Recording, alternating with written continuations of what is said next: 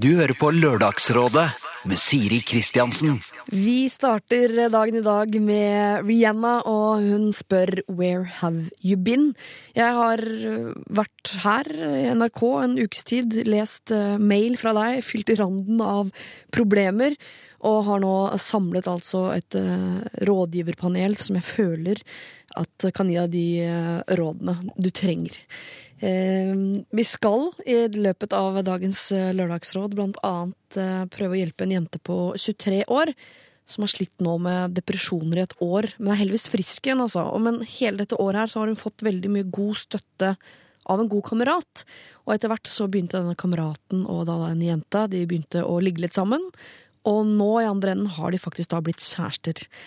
Og eh, hun er helt frisk, hun har blitt sammen med en god venn, og alt skulle jo da være fryd og gammen, egentlig. Så oppdager hun at eh, hun ikke er så forelsket som hun kanskje burde være. Hun er ikke forelska i denne fantastiske fyren som har støttet henne og vært der for henne gjennom eh, så mye som hun har gått gjennom. Men nå på andre siden så føler hun at hun trenger han ikke lenger. Samtidig tenker hun at eh, hun kanskje er et dårlig menneske som vurderer å forlate han nå etter alt han har gjort, og med tanke på hvor fin fyr han er. Er hun det? Dårlig menneske? Du kan jo tenke litt eh, på det, og gjerne sende inn en kommentar også hvis du vil hive deg inn i diskusjonen. Enten på SMS eller på Facebook, selvfølgelig. Men rådet de eh, kommer snart, og de skal også få lov til å bryne seg på blant annet dette problemet. Har du andre problemer, så send de gjerne inn til oss. Da kan du gjøre det via SMS, P3 til 1987, eller på mail, selvfølgelig. Da er det lralfakrøll.nrk.no. Men nå først så skal vi faktisk eh, til en låt som er en av mine, så langt i livet, topp tre fineste eh, og beste og kuleste sanger. Uansett hva som kommer av nytt og jeg liker for tiden så er topp tre urokkelig eh, så langt. Og eh, blant de tre, jeg vet ikke om det er første, andre eller tredje, det klarer jeg ikke helt å bestemme meg for, men blant de tre er eh, denne av Mew, deres Am I Right No. Lørdagsrådet.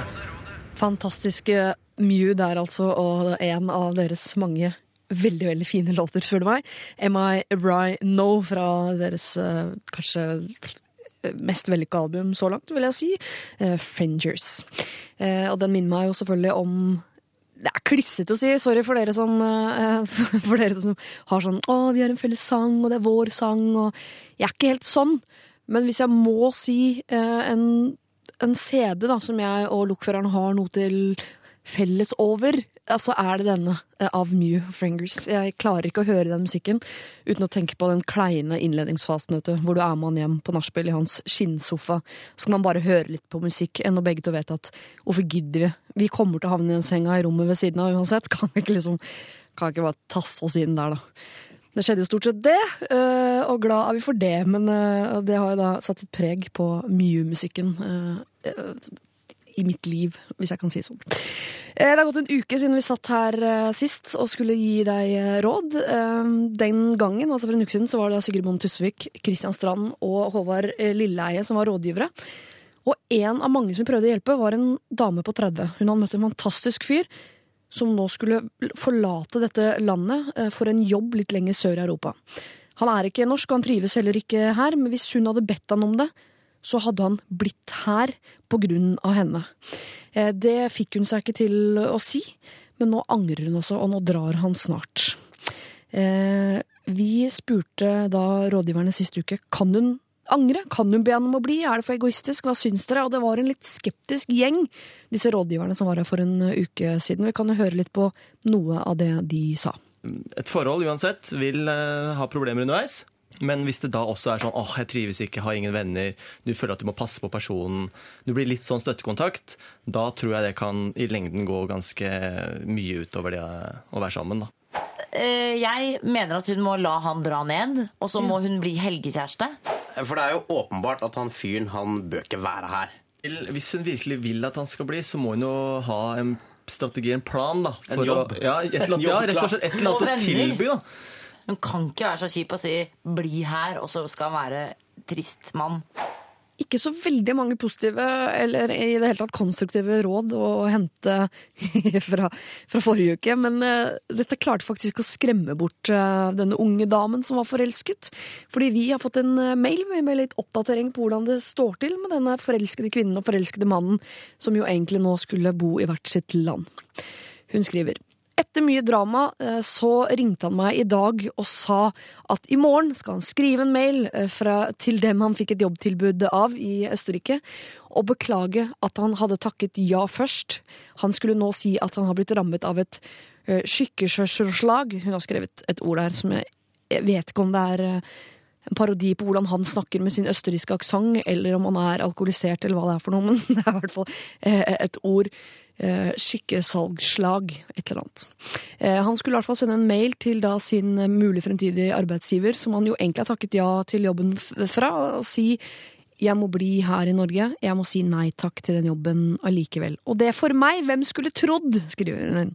Ikke den gjengen med pessimister som du omga deg med forrige helg, i hvert fall. Eh, Jeg lagde en ganske svidd snitsel til han i helgen og introduserte han for en tysk kompis i Oslo. og Lovte at bare jeg får puste opp leiligheten min, så skal jeg flytte med han til Østerrike eller Tyskland. Eh, Jeg vet ikke om det hjalp, men nå blir han i hvert fall her. Med andre ord, eh, kjærligheten vant. eh, Tråkket på pessimismen som fylte Lørdagsrådet her for en uke siden. Eh, Vi tar tak i nye problemer eh, utover i dag fram mot klokka tolv, og nå etter bare litt eh, musikk, så kommer dagens rådgivere. Du kan jo bruke denne musikalske tida til å sende inn ditt problem. Da gjør du det på mail lralfakrøll.nrk.no eller SMS P3 1987.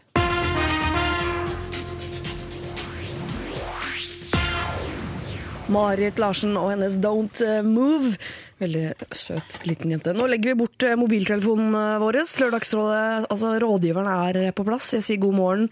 Jeg begynner på min venstre hånd. Odd Magnus Williamson. God morgen. God morgen. Ja. Nyforelsket, har jeg skjønt? Eh, Det stemmer eh, absolutt. Det stemmer absolutt. Er det deilig, eller? Sjøl siden. Jeg husker ikke de greiene der. Jeg trodde jeg var helt absolutt eh, emosjonelt eh, brent ut, og plutselig så, så ble jeg forelska igjen. Og det er jo, det er jo kjempedigg. Er det verdt eh, å gå gjennom kjærlighetssorg for å møte denne nyforelskelsen i andre enden på et eller annet sted? Nei. Nei, ok. Egentlig ikke. Kjærlighetssorg er jo enda verre enn gleden. Altså, det er jo det er mye vondere enn en, enn enn kjærlighetseuforien er god. Så egentlig er det deiligste bare å være terningkast fire hele livet. Men nå er det blitt eh, terningkast seks da, for en gangs skyld, og da skal man jo kose seg litt med det. Må kose seg med det. Ja. Syns det. Eh, Alexander Skau, Hei. jeg savna deg veldig. Ja, så bra. I like måte. Takk. Du er gravid hele jævla tida. Jeg er stort sett gravid, ja. Det, det stemmer. Det er sånn vi holder på ute i Follo kommune. Vi hekker som bønder og holder på. Knuller som rotter, som bestemoren pleide å si. Vi, vi er avhengig av masse barn vet du, for, å, for pensjonisttilværelsen. Sånn type ting. Sa bestemora di det?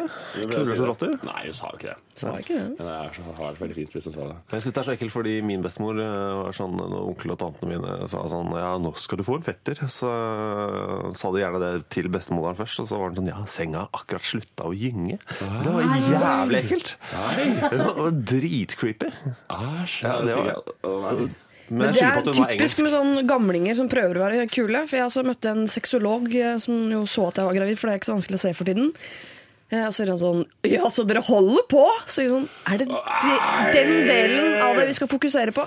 Men At jeg skal få barn, er det litt kulere å snakke om enn det at jeg har ligget med mannen min? Jeg Ligger ikke det i kortet? Men Kan jeg trekke fram ett alderseksempel til, og, og høre om det er søtt eller om det er teit? Ja. Eh, farmoren og farfaren min, jeg syns det er innafor, da.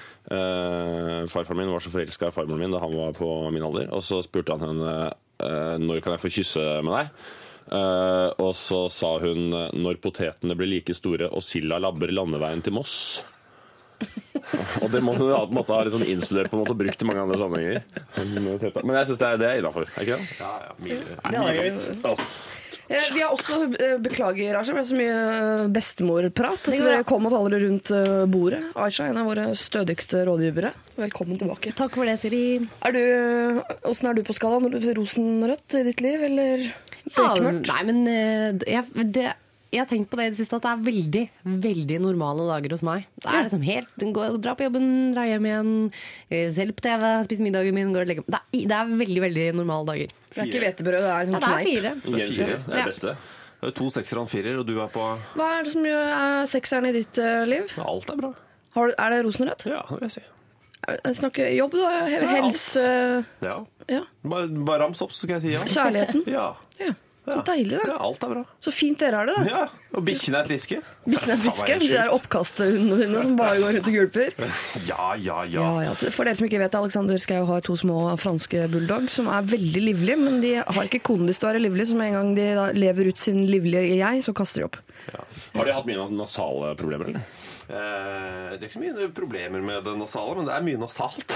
De er nasale sånn, av seg. For de må jo iblant opereres. De Ja, nei, det er ikke, det er, Vi har ikke kjøpt det fra noen, en ungarsk lastebil. Jeg har kjøpt det via Kennel, så det er ordentlig Men de bikkje. er overkjørt av en ungarsk lastebil, for de ser- de er jo flate. De er flate begge ender, ja. Men det er liksom hvis du tar en sånn kjempelang pølse med marsipan, så bare skjærer du av en bit, et stykke, et midtstykke av en marsipanpølse. Sånn ser de ut. Sånn ser det ut. De er dritfine. Det fikk jeg lyst på. Og dumme.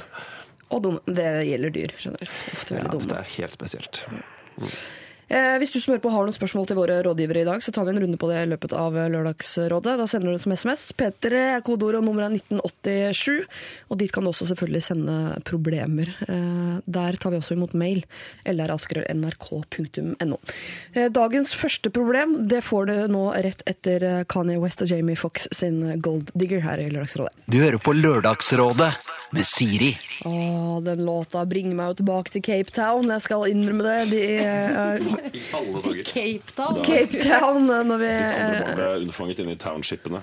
Langt, langt innerst. Jeg dro aldri township. Jeg følte ikke for å, å besøke townships, men jeg, jeg var jo ute og danset med altså, de folka på den jordkloden som kan danse best, og fikk høre av eh, en fyr at du danser veldig fort. Tenkte men vil jeg si at jeg danser fortere enn musikken? Det er dumt, for jeg prøver jo å holde takta. Jeg har bare vært på et kjøpesenter i Cape Town. Jeg. På et kjøpesenter. Men er det Jeg føler at folk som, særlig folk som har vært i Cape Town, å, se- eller prøver å selge det inn som det nye New York. på en måte. Er det, Jeg er det like hatet rått? jo New York som en av få, har jeg skjønt, i ettertid. Likte de ekornene, og resten syntes jeg var dritt. Men eh, Cape Town, fantastisk. Jeg- Men jeg anbefaler alle å være single når de drar dit. Det er ikke noe vits å være der uh, hvis man allerede er i et parforhold. Jeg syns? Cape Town var dritt. Okay. Så Men da hadde du helt sikkert kjæreste når du var der. Og jeg syns de ekornene i Central Park var ganske dritt. Så da har på en måte ja, slangen blitt seg fy, halve. ekorn er jo rotter. Med duskete haler. Det De er halen søte som- rotter, da. Nei, det er halen som gjør den Tamme. søt, fordi den ikke er tynn og, og hårløs. Det er busken som gjør den søt. Resten, det er jo rotte. Tenk hvis det hadde vært eh, for mennesker òg. Eh, ja. Da hadde det vært fint. Fy Du er egentlig stygg når du så et busk. Ok, dere. Vi skal ta dagens første problem, som er ganske eh, stort og tungt. Så jeg, jeg liker at du tar opp pennen, Odd Magnus Williamson, og har rutepapiret klart. Eh, Jeg leser. Hei, jeg innledet i sommer et forhold til min beste venn, som jeg er veldig glad i. Jeg led da av alvorlig depresjon i et års tid, og han har støttet meg opp 100% hele veien. De siste årene, også før vi ble sammen, har vi hatt sex regelmessig, og selv om han stadig forsikret meg om at det ikke var noen følelser inne i bildet, at det var helt greit da jeg datet andre, så hadde jeg mistanke om at han egentlig hadde følelser for meg, og hadde dårlig samvittighet. I sommer konfronterte jeg han med dette, og han innrømmet at han hadde hatt følelser for meg hele veien, og plutselig var vi et par. Nå i ettertid ser jeg at det kan ha vært en litt dårlig avgjørelse, til tross for at jeg er veldig glad i han. Vi har lite til felles, og ramser opp ting som mat, musikk, hobbyer, venner, sosiale behov. Eh, og jeg kjenner at jeg ofte irriterer meg over at han tar kontakt med meg flere ganger i løpet av en dag. Jeg har kommet meg ut av min depresjon, stabla livet på beina bit for bit. Nå står jeg foran utfordringer i jobb og skolesammenheng, og da trøster han meg med at jeg er flott som jeg er, og jeg trenger ikke å prestere, fordi alt ordner seg uansett. Istedenfor å oppmuntre meg til å gjøre så godt jeg kan, noe som bidrar til at jeg, gir opp før jeg har prøvd. Jeg trengte dette forholdet i den situasjonen jeg var i da jeg innledet det, men at det kanskje ikke er det jeg ønsker meg på sikt. Jeg føler meg som et utnyttende og dårlig menneske og har konstant dårlig samvittighet. Spørsmålet er er det riktig å forlate et fantastisk menneske som har, blitt, som har stilt opp for deg konstant, eh, og som du føler at det står et stor takknemlighetsgjeld til, til fordel for noe ukjent som kanskje venter i en annen ende? Er jeg kynisk som i det hele tatt vurderer muligheten? Hilsen jente 23. Hun forlater Altså, hun ønsker jo Hun ønsker jo å forlate en fyr som har gjort alt for henne, og har dårlig samvittighet. Er det er, Burde hun ha dårlig samvittighet, Odd Magnus? Nei, hun bør ikke det. Det er eh, Dårlig samvittighet er et uh, riktig instinkt. Men, uh, og hvis dette her er en type som har gjort så mye for henne, og har forstått henne så godt og leid henne med en tung depresjon, så kommer han til å forstå, også forstå følelsen hennes når hun sier vet du hva, dette her uh, fungerer ikke lenger, og jeg eh, er redd for at det kommer til å ende opp med at eh, du blir eh, såret. Så, men du skylder han to måneder til. To måneder til? To måneder til med dårlig samvittighet skylder du han for det året han har hjulpet deg. Er det noen som mener han burde bli Alexander Schou Larsen? Nei, overhodet Nei, det er ikke. Men det, det at du har dårlig samvittighet, viser bare at du er et godt menneske. Da. Ja. Hadde du ikke hatt dårlig samvittighet for dette, her, så hadde, det jo, Det jo hadde jeg vært bekymra. ja. Nei, det er bare et spørsmål om tid før hun kommer til å gjøre det slutt. Så alle er for Fordi, slutt. ja, fordi det kommer jo til å skje. Det er jo, hun, hun gjør jo ikke han noen tjeneste eller ved å være sånn halvhjertet sammen med han og ikke, ja, ikke, og ikke være dedikert til det forholdet. Kan man ikke fake seg gjennom et helt liv, late som man er forelsket? Nei. Jo, det går, det går an. Jeg tror folk driver med det. Det går altså, absolutt, det er veldig mange som gjør det, men uh, jeg tror 80 av de, eh, de forholdene her mm, har veldig veldig mye utroskap i seg. Ja. Og det er det ondeste du kan gjøre mot et menneske, bortsett fra å internere det. Um, men, eh, men det er jo litt sånn Det er jo en classic case da at eh, to gode venner eh, At opp, følelser oppstår etter hvert. Eh, men da, når det skjer, så putter man jo et vennskap i potten som man mister hvis man fucker det opp. Og da er det veldig viktig at man trår veldig varsomt fram i begge leire. Da må det være på samme premisser hele tiden. Man må nærme seg hverandre veldig veldig, veldig forsiktig. Og her har han tatt en råsjans liksom, og sagt du vet hva, jeg har masse følelser for deg. Hun har vært liksom, litt hyggelig, men det, er nok, det har nok vært en sånn en litt feil avgjørelse.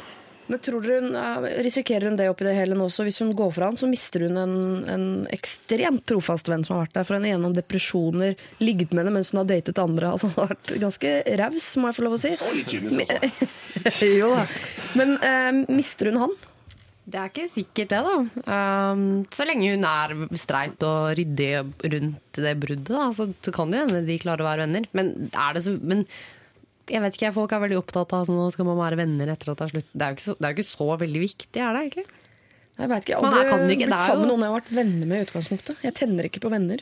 Men hun ja, en utrolig kjip ting å, å gjøre. eh, Sånn, å ha det som sånn fetisj. Jeg tenner på venner. Men, eh, eh, men hvis han er så fryktelig forståelsesfull, da, hvis han, så, så skjønner han jo dette her. Sånn til slutt. Det er jo ikke det er jo ikke en ny problemstilling, dette her. Det er ikke sånn Hva? Dette har jeg aldri hørt om noensinne. Hvis han, eh, hvis han er så oppegående som han høres ut, så kommer han til å være dritpist på deg i en måneds tid, i to måneders tid, i tre måneders tid. Og så skjønner han at eh, det er- kanskje det ikke var så dum idé likevel. Men jeg tenker hvis han har Det er på en måte Hvis han har vært forelsket i henne veldig lenge, så nå fikk han i hvert fall prøvd ut det, da. Da vet de hvordan det er, og så kan de legge det bak seg. Da hadde det kanskje vært eh, like frustrerende for han å bare gå rundt og tenke sånn hvor, Hva om vi to hadde blitt sammen? Men nå vet de jo at det ikke funker. Det funka ikke. Og det må være litt tilfredsstillende at de i hvert fall, for han da, at de i hvert fall fikk testet det ut. Ja, jeg sier at hun har, jeg føler at hun har gjort opp gjelda seg ved å faktisk gi dette her et forsøk. Det kunne blitt bra, og så har det ikke funka, men hun har i hvert fall prøvd.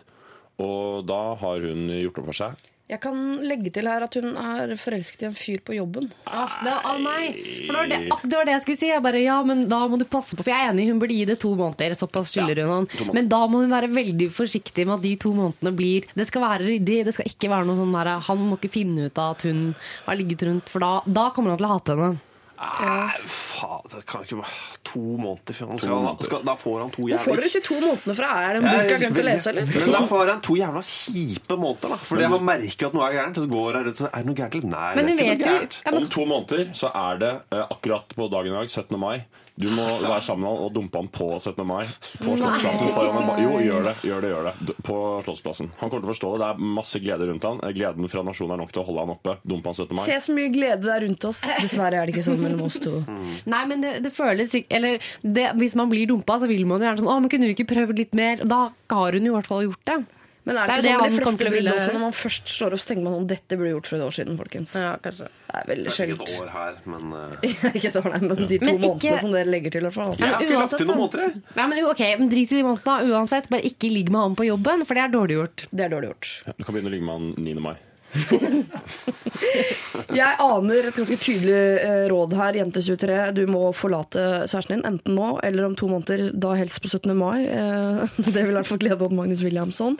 Ikke begynn med han på jobben foreløpig, og forklare han hvorfor du går fra han. For, så, for såpass forståelsesfull som han fyren her virker, så kommer han også til å forstå dette bruddet. Og dere kan faktisk, hvis du er heldig, eh, stable et vennskap på beina igjen etter litt tid, men han må få lov til å være sinna igjen to, tre, kanskje fire måneder. Han blir ikke sinna, han blir bare sur. Han blir jævla lei seg, så blir han sur. Og så skjønner Men, 17. juli kommer han til å være blind. 17. juli, ja. men er 9. april også en dato? Det er den dagen jeg lov å være litt sur uansett. Ja. Eh, hvis du har et problem, så send det gjerne inn til oss eh, på mail. Det er jo gratis. Eller lralfagrøll.nrk.no. Vi skal høre Moive. Dette her er Syng meg i søvn. Lørdagsrådet Swedish House Mafia ber oss redde verden med Save eh, the World. Eh, Det føler jeg blir en litt for stor oppgave selv for Lørdagsrådet. Vi skal prøve å redde noen små, enkle mennesker på den samme jordkloden. Eh, Fordi vi har snakket, Dere har allerede rådet en jente 23 i dag til at hun må slå opp med dama si, og det er jo sånn, nei, med typen sin, og det er sånn man må innimellom. Men her er det en som lurer på om han kan slå opp med en kamerat. Aisha Afif, eh, Alexander Skau og Odd Magnus Williamson. Hør på dette. Kjære Lagsrådet, jeg har en venn som ikke slipper taket. Vi er begge 30 år og har vært venner siden barneskolen og helt fram til de siste tre-fire åra. Men nå føler jeg ikke lenger for å tilbringe tid sammen med han. Men eh, det ser det ikke ut til at han forstår. Jeg svarer alltid nei på hans invitasjoner om å komme på besøk, men han tar liksom ikke hintet. Problemet ligger vel i at jeg kommer med unnskyldninger, unnskyldninger snarere enn å si et kontant nei, det har jeg ikke lyst til. Jeg prøver også å unngå å treffe han når vi er hjemme hos foreldre og slike ting i jula på vårt lille hjemsted, men det er uunngåelig av og til. Det er flere grunner til at jeg ikke vil treffe han mer. De siste årene har han kommet med en del kvinnefiendtlige og innvandringsfiendtlige kommentarer, noe jeg misliker sterkt. Dessuten lever han fremdeles som om han er 18. Veldig mye festing og drikking, noe jeg er ferdig med for lengst. Hva skal jeg gjøre? Skal jeg fortsette mitt skinnvennskap, eller fortelle han at dette vennskapet er over? Han blir kvitt en venn. Vi holder på dumping av venner her. Er det, er det samme regler som i kjærlighet? Ja, kanskje. Jeg Han, han er jo kompis med Cable Guy, da. Han er jo det. Ja. Det er jo verdens verste ting å ha klengende på seg. En sånn løk du ble kjent med da du var åtte år gammel, som har blitt en rasistisk Han er sikkert homofob òg. Han er sikkert ond, ja. høres han ut som. Eh, Åh, for et jævla Høres jo ganske dum ut. Hvis han er 30 med oppførsel som er 18 og er innvandrings- og kvinnefiendtlig, så er man jo ikke Man kler den russedressen, da. Den sitter godt ut. du. det er- Jeg vet at du har slått opp med en venn en gang. Ja. Det har du fortalt meg at du har gjort. Jeg la på litt der, men ja. Ok, Men du slo, du gjorde opp. ja. Jeg fader ut eh, alle sånne vennskap. Jeg fader sakte ut, og, og er vel akkurat der hvor han er nå, hvor jeg liksom sånn sier nei til alt, og så bare slutter jeg å svare på tekstmeldinger. Det, det er jo en jævlig lang vei. Ja. Men det er jo den mest komfortable å rive det plasteret veldig veldig, veldig, veldig sakte av. Så jeg tror nok at han Jeg ville tenkt at nå må du gå fra den fasen som heter uh, å svare nei på alle tekstmeldinger, til å rett og slett ikke svare. Bytt nummer, kanskje. Ja, for er utfading Utfading er jo ikke lov i kjærligheten, men utfading i vennskap Jeg, jeg er litt Jeg har lyst til å slå et slag for det. Altså. Ja, jeg er litt enig i det. Men jeg syns det er litt deilig å høre en som har lyst til å Eller som, som tør å ta i problemstillingen, slå opp med en venn. Og ikke for å være eh, diskriminerende her, men jeg syns også det er litt deilig at det er en fyr. For jeg føler ofte at gutter finner seg jo mange maste, teite venner. Det, Dere er men, dårlige på vennegreiene, gutter. men det, eh, ja, dårlig på det. Også men det er jo det derre litt sånn der, Det er jo ofte én sånn type fra eh, oppveksten som tviholder veldig på det der kameratskapet og lojaliteten i vennegjengen, og ikke skjønner at folk går forskjellige veier etter hvert. Og, og Ja, det er den der vokser jo så fritt, da. tviholdingen på at vi er gutter. Sånn Ja. Ja. Det, men, men det er veldig lett å si nei, du må fade ut. Det som er best er å finne en løsning. Det han bør gjøre, er jo å prøve å finne en, kompi, en annen kompis til han, en annen misogyn eh, rasist. Det er jo nok av sånne internettforum hvor du kan finne de. Så jeg ville kanskje prøvd å liksom eh, hooke ham opp med en annen eh, fyr, altså, rett og Sette han i kontakt med Fjordmannen, eller Eh, Rett og slett. Problemet da er jo at da skal jo han også henge med deg. Altså, da, har du, da har du to fyrer da, som er rasister og misogyne køller liksom, som ringer deg i hver jævla uke og skal bli med, bli med, bli med. Uh, jeg, jeg slår slag for å si det. Jeg er så lei av å høre på det der eh, Jeg er så lei av det. det, mener jeg, det er en helt sånn ryddig greie. Jeg orker ikke mer. jeg. Altså, når du driver der og sier sånn der jævla svarting og pakkis, og du bruker sånne ord hvis det er, altså, siden han tydeligvis er rasist, da. Ja. Jeg orker ikke det. Kan ikke vi, jeg tror ikke vi har noe til felles. Jeg. Kan ikke vi bare drite i dette her, og så, og så er vi ferdig med det. Det var hyggelig i gamle dager, men vi har jo ingenting til felles. Det Han mener jeg har jo to ganske gode grunner til å slå til der, og det er dette med. Han skal, jo, han skal jo vekk, det er det ikke noen tvil om. Så er det spørsmålet er bare hvordan Hvor- det skal gjøres. Og det er jo eh, den gode gamle sette ned og formulere en eh, halvkrass mail i fylla er vel liksom letteste. Det er den mest irreversible prosessen som du kan gjøre. Mann deg opp eh, og drikk deg opp og skriv en litt sånn hard mail, og så er du liksom, da har du i hvert fall ballen i gang. Ja, for Hvor mye bryr han seg egentlig om hvor, følelsene til han andre fyren? Eller til han vennen, da? Det er jo ikke så farlig hvis han blir sur på han. Altså, jeg føler at dette, er, dette er ikke et vondt plaster å rive av. Dette er et plaster som ligger ved den klissete sida opp. Ja, det er Donald-plaster som har bada med en time, liksom. Det er få da. Og, men det er det første skrittet som er vanskelig. Eh, og når den prosessen er i gang, når, uh, når liksom vennskapsarmagedonet begynner, så kommer du til å takle det fint. Jeg synes jo, Men kan man komme til å angre da for denne gutten på 18? Man kan jo plutselig eh, møte en eh, afrikansk eh, kvinne, eh, miste kvinnefiendtligheten, miste innvandringsfiendtligheten, og plutselig bli 15 år eldre, og så vips så har du egentlig en, en kompis som du har kjent siden du kom til verden. Da har du en verdens beste barndomskompis. Hold den gående i 35 år, eh, så, så får du sikkert noe ut av det. Gidder du det? Og det aller verste, det aller verste med de gutta her, er jo når du skal begynne, begynne å, å, å inkludere de med nye venner du har fått. Altså Når det blir sånn ikke-kompatible vennegjenger. Altså, han har sikkert fått masse litt mer oppegående folk, og så skal man kanskje ha med han på fester, og så merker han at det er sånn Du har med deg Saruman eh, på, på fest, liksom. Det er ikke noe, det er ikke noe kult. To måneder. To måneder. Du gir dette til to måneder? Ok. Nei, To timer. Skriv en mail i kveld, og Ja, bare bli ferdig kveld med det. Enten fade ut, gå fra å svare avvisende til å ikke svare i det hele tatt. Skriv en krass mail i fylla, eller ja, gjør som eh, i vasken. Ikke, ikke fase ut han her. Det er mange Det er mye De som er sånn ikke-rasister og bare litt sånn uinteressante, og som du ikke liksom bryr deg noe om lenger, de faser ut. Men sånn som han her, han, han putter i den der kverna du har i vasken, og skyller ut. Bare slutt å forholde deg til han. Bare Ja, lat som han ikke fins lenger. Og si ha det bra. Det er faktisk lov her å si fra at 'jeg liker deg ikke lenger', når han virker som en såpass kjip fyr som det Jeg han gjør. jeg ville godt eh, satt meg ned, formulert en mail hvor jeg eh, bruker hvor jeg først eh, Det er liksom en positiv ting, en negativ ting. Først et, en A4-side om hvor fint dere har hatt det hele livet. Så en eh, A4-side om forklaring hvordan dette her nå er i ferd med å utvikle seg. Og så noen litt kvasse linjer helt til slutt. Og så et ønske om lykke til.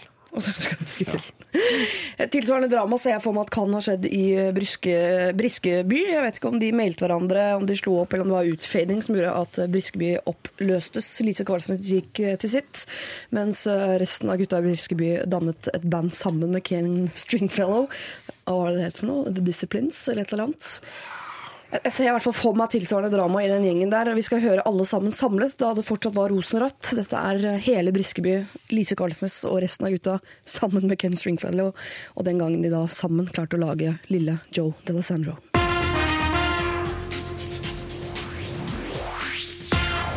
Fra den gang da eh, musikkbransjen var rosenrød, Joe, Joe D'Alessandro, dette Briskeby sammen med Ken Stringfellow. Som jeg, har sett for meg Ken Stringfellow var noen hot fyr, og så googlet han, så ble jeg så skuffa. Og det er lov å si, for han er ikke i Norge og kan ikke norsk, så han hører ikke dette. Men jeg ble skuffa. Han så ut som en sånn en, Sånn som har tatt liksom eh, knausgård og vaska den på 90 grader. Digg. Skjønner du? Og lagt til den 35 år eller et eller annet. Det var ikke bra greier. Altså. Eh, Alexander Schou, Odd Magnus Williamson og Aisha Afif alle har sagt at eh, nei, du har gitt livet terningkast seks, Odd. Eh, Alexander, du ga også terningkast seks. Du er litt mer som kneiperød terningkast fire, Aisha. Ja. litt hverdags, Helt vanlig. vanlig. Vi snakker vanlig terning nå, ikke rollespillterning som går opp til 36. Jo, det er rollespillterning vi opererer med. Ja, riktig. Er det, er det 36 da, eller? ja, det er 36. Det er 36. Men hadde du er bare lilla, den til 36? Jeg skulle, det dukket opp en med, eh, som gikk til 99. Oh, oh. Det var en master, for Idet du begynte å trille, så måtte du liksom vente i sånn 40 sekunder før den stoppa. For den klarte å velge hvilken bitte liten flate den skulle stoppe på. Men de er så fine, for det er ofte gjennomsiktige og lilla. Og det er så mye finere terninger i rollespill. eller rollespillmiljø, da. Kule folk. Ja, Live rollespill, det er ganske gøy, altså. Jeg har aldri vært med på den. Jeg syns det høres Jeg litt moro. Jeg er glad i Ringenes herre og sånne ting, men det er det. de går ofte i skinnkappe, og det er der jeg Jeg, jeg, eh, det, er, det er lov med digresjoner og anekdoter etc. underveis. Eh, Høres det ut som det er rom for det her? Nei, men nå kommer det uansett. Jeg er ikke helt sikker om det er min, eller om jeg har hørt det. Men jeg lurer på om det er at jeg har hørt det. Og noen som var eh, ute og gikk uh, i byen, og så var de på Café Combar og møtte en eller annen venn. Og så gikk de bort og sa hei, hei, venn. hei.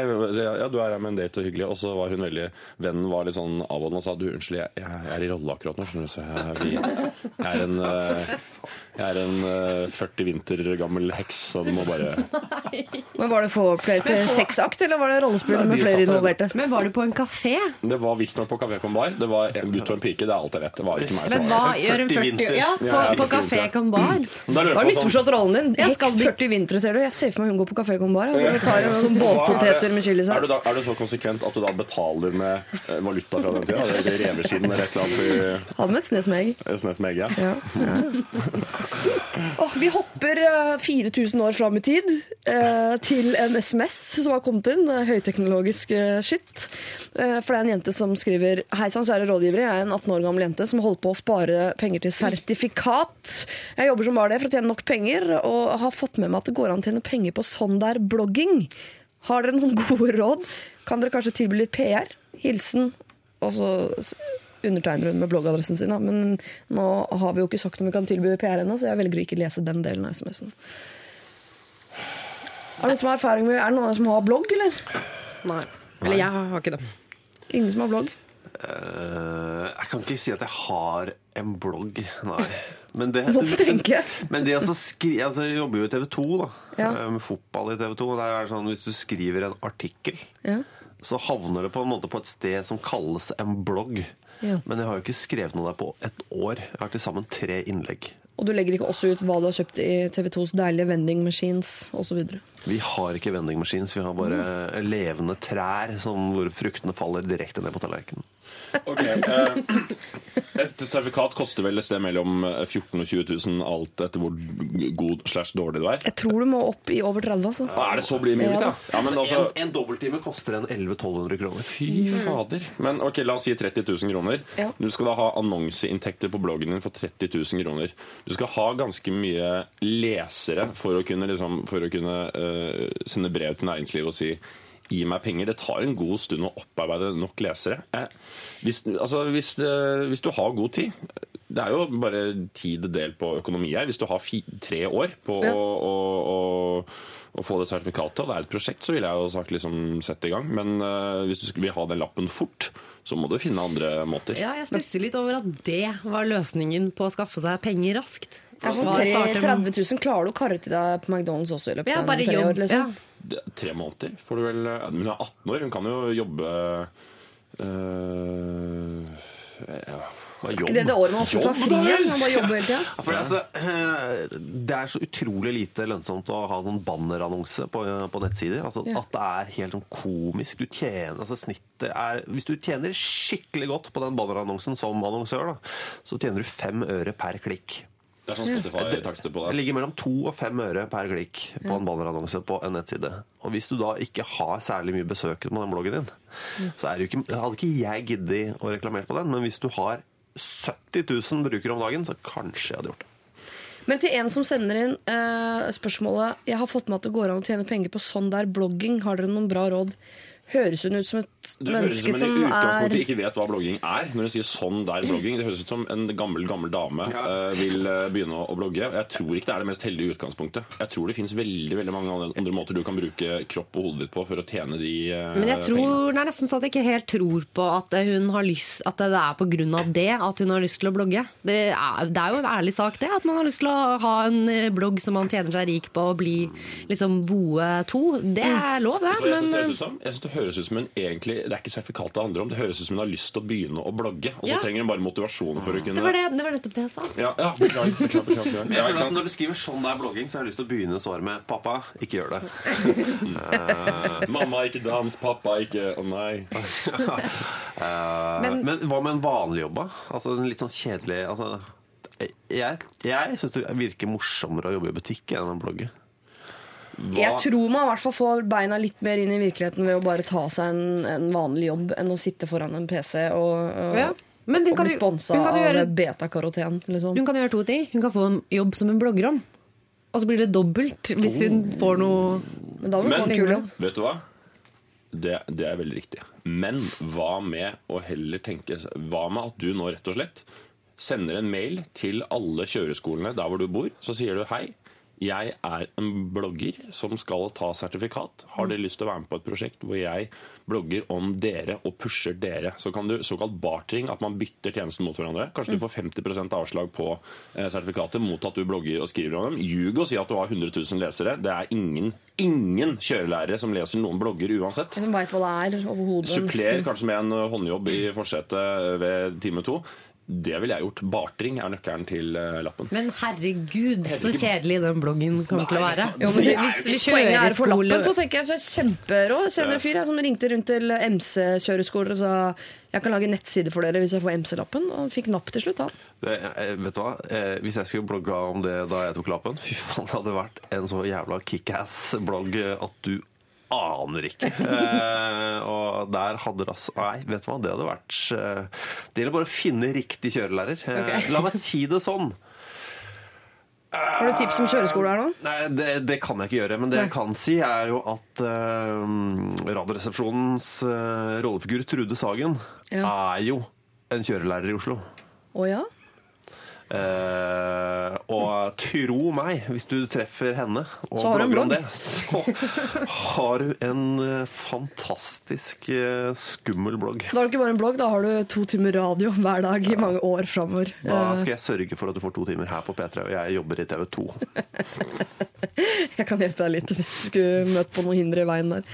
Eh, Fant vi ikke løsningen på problemet der, da? Jo, eh, altså, lykke til med å rydde opp i hvorfor er det derfor du starter blogg, for å få sertifikat, eller ja.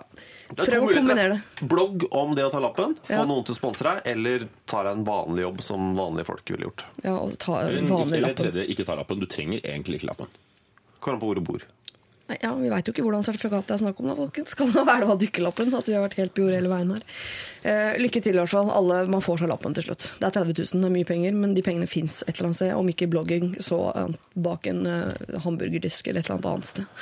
Eh, Peter er kodeordet nummer 97 hvis du har eh, et spørsmål til eh, oss, enten problemrelatert eller til en av våre rådgivere. Eller så Ikke kan mer bloggrelatert. ikke mer bloggrelatert.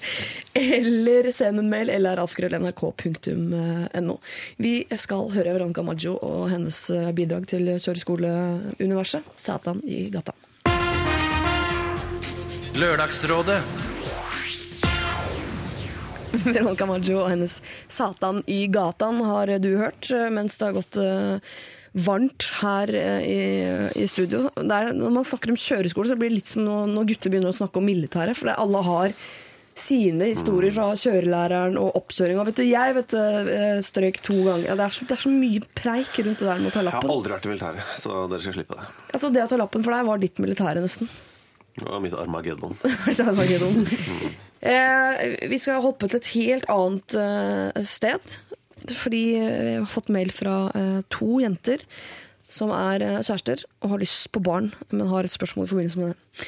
Eh, hei, jeg og kjæresten min har så lyst på barn. Problemet er at vi begge er jenter. Dette er kanskje noe vi burde tenkt nøyere igjennom før vi ble sammen, for nå sitter vi jo virkelig i saksa. Vi har vurdert å bare ligge med en av våre mer mannlige venner, da dette enkelt ville løst eh, problemet vårt. Problemet er at det kanskje i sin tur vil skape flere nye problemer. En mulighet er selvfølgelig å bli inseminert i Danmark, men det kan fort bli svinedyrt, og vi vil heller sette de pengene på BSU-konto til vårt fremtidige barn. Hva tenker Lørdagsrådsdagen? Er det umoralsk betenkelig å knulle en venn for å få barn, står det her. Dette er ikke mitt språk, jeg leser ordrett fra det som står. Det K-ordet er ikke lov å bruke. Nei. Men er det betenkelig eh, å knulle en venn for å få barn? Det er jo spørsmålet. Altså, de høres jo eh, De høres jo veldig sånn økopragmatiske ut i og med at de har tenkt dem at de skal starte en BSU-konto og ikke bruke insemineringspenger på det. Altså på en BSU-konto, Det er ikke så mye penger du kan spare der. Det er jo 150 000 kroner. Det klarer du å ta igjen i løpet av liksom 15 år. da. Så hvis det er BSU-konto det står på, så ville jeg gått for inseminering. Det, er veldig, det er veldig skottete. Ja. Men det, er, men det virker som de tror at de kan At en kan bare ligge med en fyr én gang, og så vil alt ordne seg, og da vil hun bli gravid med en eneste gang. Det er jo ikke så Jeg har aldri vært gravid, men eh, Siri, du kan kanskje bekrefte at det, Jeg har vært man- så mye gravid. Ja, men må jo kanskje prøve et par ganger, da. Det blir ikke bare å dra, det er ikke bare å dra på Og ja, jeg har knølt mye mer enn jeg har vært gravid. Så det er ikke helt til én, det greiene der. Men det, altså det er vel altså de, Det høres ut som de eh, skotter seg såpass inn i hjørnet at de ikke vil uh, insemineres, da. Ja, er det bare gjerrighet? Er det bare sånn de, ja, det, jeg tror ikke noe på det der BSU-greiene Det, eh, Det kan ikke det er være bloggen, en det, fra, fra at det er, Ja. det er ikke dette det handler om. Nei, det ble ikke noe barn på oss, da, fordi vi hadde lyst til å spare Det, kost, til det koster ca. 18 000, tror jeg, er taket på å bli kunstig befruktet. Eh, Det er det, da skal man ikke betale mer. Da, da blir du befruktet kunstig Det- til du får barn. Det, blir ikke dyrere enn det. Det er ett år med BSU. Det er ett, du får, er ikke øvre grensa 15 000? da? 20 000 på vanlig, og så har du, 20. har du sånn BSU 2.0 og nye til eh, DNB-ord som er hvor du kan spare uten fradraget. Men uh, Kul, kul fyr, du. Du har så mye kul info. Men dere, til det som faktisk er det eneste ordentlige spørsmålet i problemstillingen her, er det eh, moralsk betenkelig å knulle en venn for å få barn? Dropp det med BSU Ja, og det er jævla døv. Da er du så døv. Det er som vi sier her i Oslo. Ikke som i hørselshemmet, men som i en Som skrot er du da. Hvis du Ja. bare eh, men Ja, er, han, de- er han da en venn hvis han ikke veit at du er lesbisk? Altså sånn Å, oh, å jeg har klart å omvende mm. uh, Så du vil heller ofre en kompis da eh, for å bli gravid? Ja, for Skal de liksom lure han? Skal de lure og bare Ja, for det står ikke han? det virker jo, virker jo litt som om de skal eh, Det virker ikke som det skal være en avtale i, forkant her. Nei, for da er du ikke moralsk betenkelig hvis det er en avtale. Da er det jo en deal. Det er jo helt Det er jo redd hvis du gjør en deal, men Jeg prøver å sette meg selv i, i, i skoene til en venn som har et lesbisk eh, vennepar, og blir spurt om eh, vil du, eh, vil du spille din sæd i våre skjeder og skjenke oss en sterk sønn eller svak datter. Um, så ville jeg jo tenkt nei, fordi jeg er ganske så sikker på at det barnet ville jeg hatt et eller annet slags forhold til etter hvert. Um, men det fins jo nettsider for de tingene her. Jeg har lest en bok om, eller en dokumentar eller sånt, om at det går an å legge ut annonser på det. At det er menn som donerer eh, sæd for ikke mange tusen kroner. Og ja dette tror jeg dere skal søke, gå inn på Google og søke opp. Det fins sånne sædmaskiner rundt omkring i landet. Ja, men av alle ja, områder, bare- så ikke vær gjerrig. Ikke spik og spar på denne greia her, da. Gidd å dra til Danmark og bruk de spenna det koster. Og Det er 18 000. Tenker, et barn som ikke fins fordi du klarer ikke å få lagd det, trenger ikke 18 000 kroner. Vet du hva, Vet du hva? For å være helt ærlig, ut ifra hva de eh, damene her skriver, ut ifra formuleringen i dette brevet, så sier jeg jeg vet ikke om dere to skal ha et barn. jeg. Ennå? Kan du legge til det? bare Ok, for å la, oss, det la, oss, la oss lese det på nytt. Problemet er, ok, nå jeg, jeg vil gjerne lese det opp dette her på nytt, så er det opp til dere å berømme. Hei, jeg er kjæresten min, har så lyst på barn. Problemet er at vi begge er jenter. Dette er kanskje vi burde ha tenkt litt nøyere igjen før vi ble sammen, for nå sitter vi litt i saksa, da. Vi har vurdert å ligge de andre vennene våre, da har vi løst problemet vårt. Problemet er at det kanskje bla, bla, skaper nye problemer. Da har mulighet til inseminering, men da går det ut av BSU-kontoen. Jeg tenker litt sånn her, skal disse to bli mødre, egentlig? Er, er vi helt sikre på at disse to skal bli mødre? Hvis jeg skal sitte i et slags mødreråd, så ville jeg sagt kanskje ikke dere to skal bli mødre til et barn. Har, jeg syns det er noen verdier i underteksten her som ikke nødvendigvis er forenlig med en morsrolle. Er det ord som svindyrt og knulling du stusser over? Ja. Ja.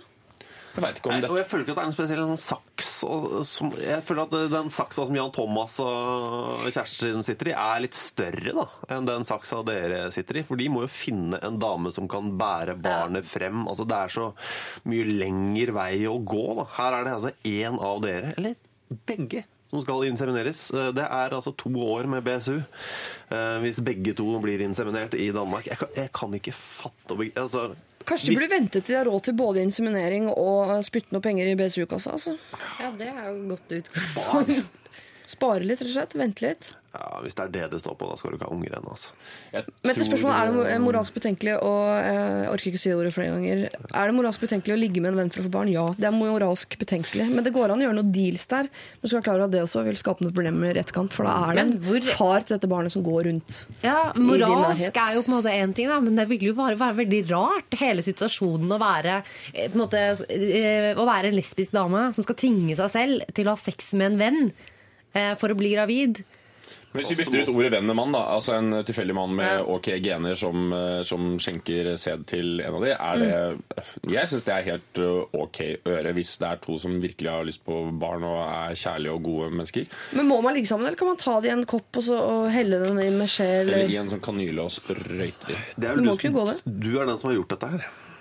Jeg har gjort det bare på vanlig måte. Jeg har ikke brukt hverken kopp eller kanyler. Eller jeg har kjørt på, på steinaldervis. Men vi har et annet problem her òg, det er bruken av K-ordet. Ja. Jeg, altså, jeg klarer ikke å bruke det. Jeg har heller ikke ordet P. eh, Det er fire bokstaver som slutter på dobbel K på herrens lem. Det er to ord jeg ikke klarer å bruke. Men i Bergen så har de ordet smeise istedenfor K, som jeg syns er lettere å bruke. Så nei, du skal ikke smeise en kompis for å bli, for å bli gravid. Det er betenkelig moralsk å smeise en venn for å få barn. Så det er skikkelig dust, det. Ja. Det er, altså- blir det tydeligste rådet vi får ut av, av dette. Ja, det blir ikke noe barn, og det blir heller ikke noe BSU-konto, så det blir tap-tap for dere i dette tilfellet. Ja, og bare en litt sånn tallfakta. Eh, Det koster ca. 18 000 å bli inseminert. Eh, Og du kan sette inn ca. 20 000 maks i året på BSU. Er det ikke noe sånt? Jo. Ja, Det er fradragsbiten. Den uten fradrag er det ubegrensa? Det er ubegrensa. Det er, Det er noen nye greier i DNB Nord. Andre tall skal du også få her. 1987 er et tall du skal få, og det er nummeret du sender SMS til hvis du har programmer. Kodeordet det er eh, P3. Du hører på Lørdagsrådet med Siri. Mikael Paskalev og hans eh, I Spy fikk det der i eh, Lørdagsrådet. Aisha Afif fra P3, eh, Alexander Skau fra TV 2 og Odd Magnus Williamson fra TV 2. Hvorfor fikk jeg en TV2? For det er mye bitrere at du jobber i TV 2 når du har jobbet i NRK, enn Odd, som jo ikke ante Altså, han, ja, han visste jo Man ikke bedre. ville ikke jobbe her, men NRK ville ikke ha ham. Ha ham. Snakker du om deg selv i tredjeperson nå, eller snakker du om Odd? Nei, jeg liker å snakke med, om meg selv i fjerde person. Det har jeg begynt med. Eh, Ved å omtale meg selv som noen. Så det er veldig NRK gøy. vil ikke ha noen. Nei, som noen sa her forleden, det er mitt nye favoritt-muntlige muntlige uh, syssel. Da passer det veldig fint, Alexander, eh, for vi har et eh, spørsmål direkte til deg som går på dette med NRK og TV 2. Ok. Eh, og det er ganske konkret. Eh, det er fra en navnebror av deg som også heter Alexander, som åpner med å si at han savner deg veldig. Eh, men han lurer på hva savner du fra NRK? Begynte å gråte nå? Nei, det kan jeg ikke si at jeg gjør. Uh, hva jeg savner fra NRK? Ja. Pff, Du ser på det, varmere, varmere. Ja, bortsett fra sånn som deg, liksom. Men det er en utrolig døv ting å si. For det, det virker som jeg bare roser for å, for å rose. Sånn, og nå må jeg være snill med hun gravide. Men, men av sånn NRK-ting Er det ikke noe vi har som ikke de har nede i kynismens foregår? I hva for noe? Ikke noe. Hva kalte du det? Nei, Hvilken du får foregår? podkaste. I hvilken, nei, hvilken foregår? Uh, kynismens. Kynismens, ja. Nei, oss, oss eh, kynikerne, eller som dere sier i NRK, kynikerne i TV 2. Så jeg savner kanskje kiosken. Har dere ikke kiosk? Vi har ikke kiosk. Uh, og så savner jeg et, han fyren nede på det lille kopirommet i mellometasjen, han som ikke har vindu på kontoret. Uh, Har ikke hatt gleden av møtet? vi har ikke så mange sånne. Som på en måte Vi gir vinduer til alle, da.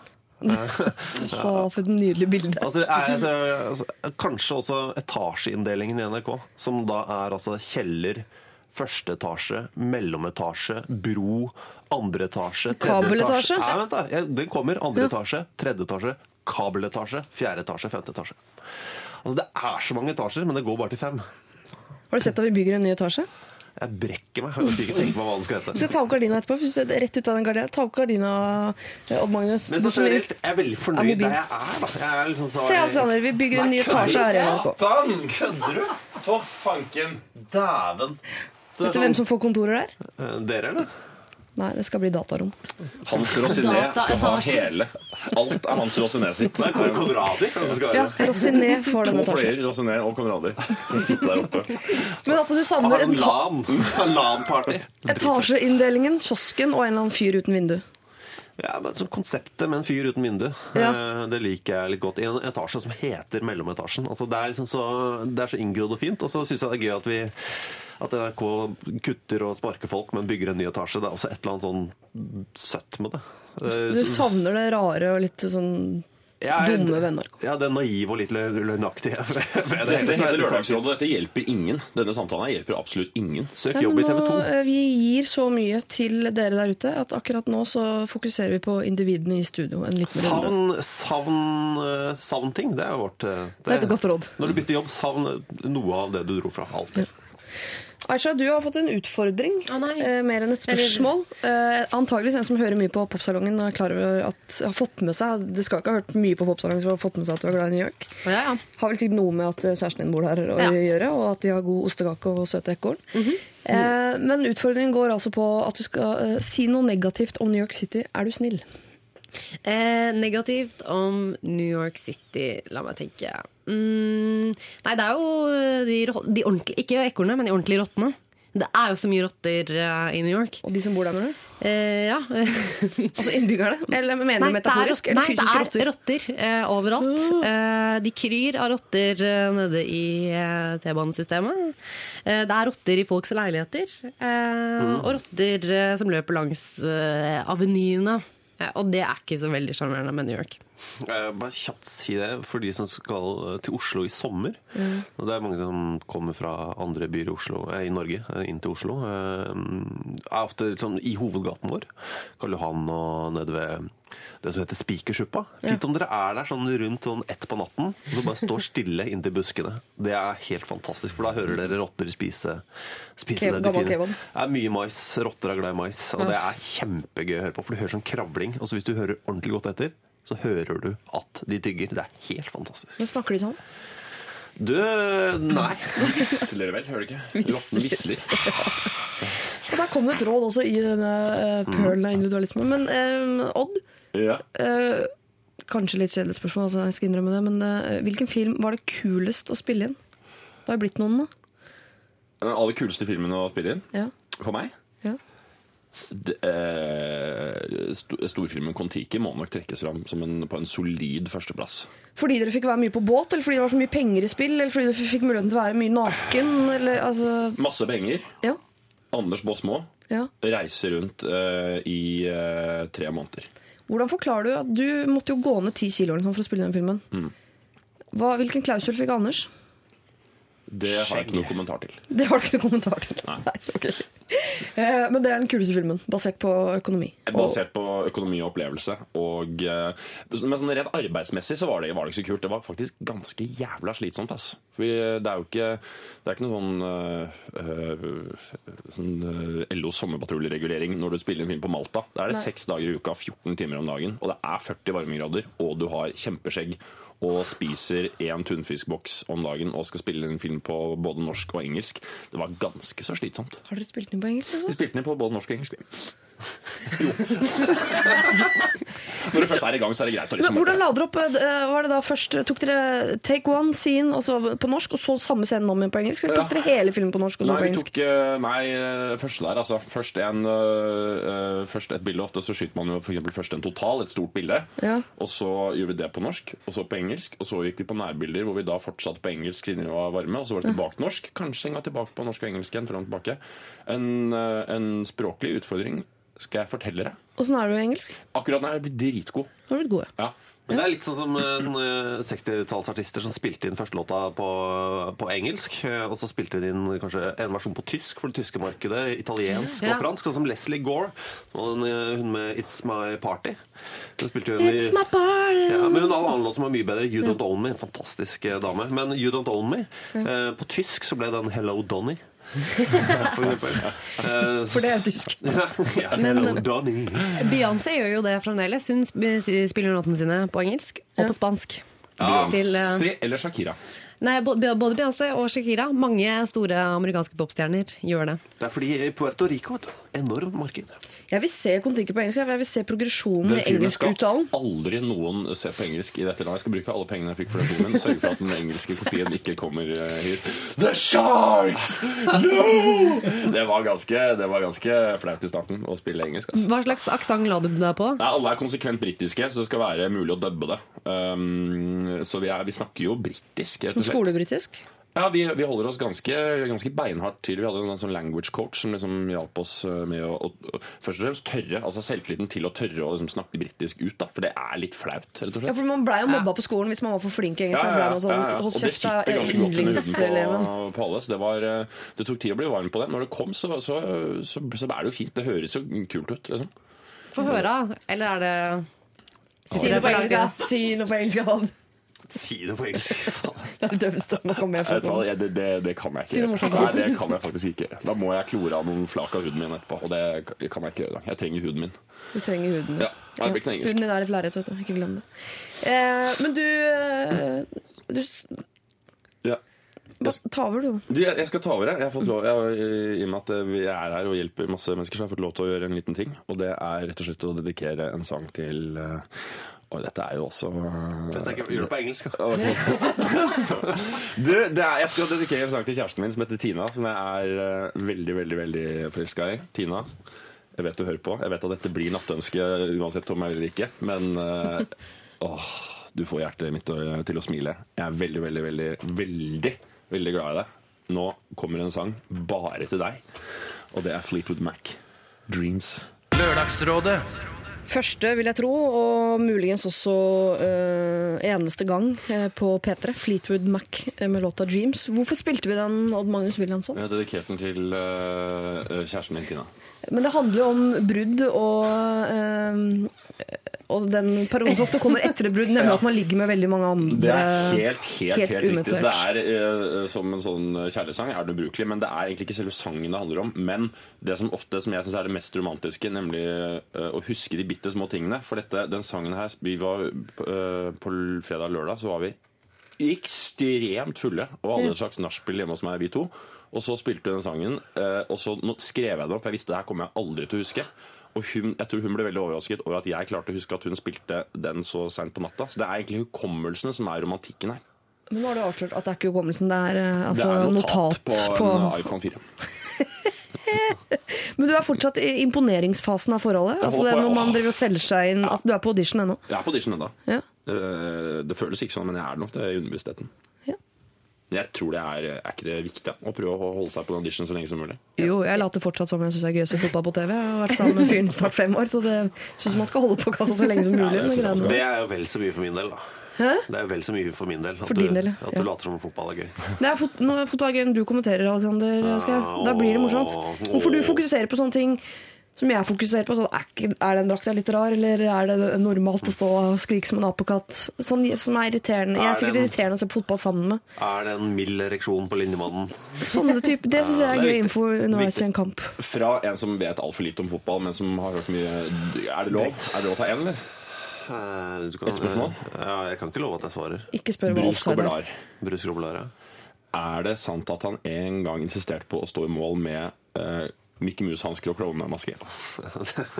Eh, Jeg har møtt ham, møtte ham i Sør... Faktisk i Cape Town. Mm. Uh, og han er jo uh, Han han, er jo- ganske gæren. Han hadde jo et image som gæren.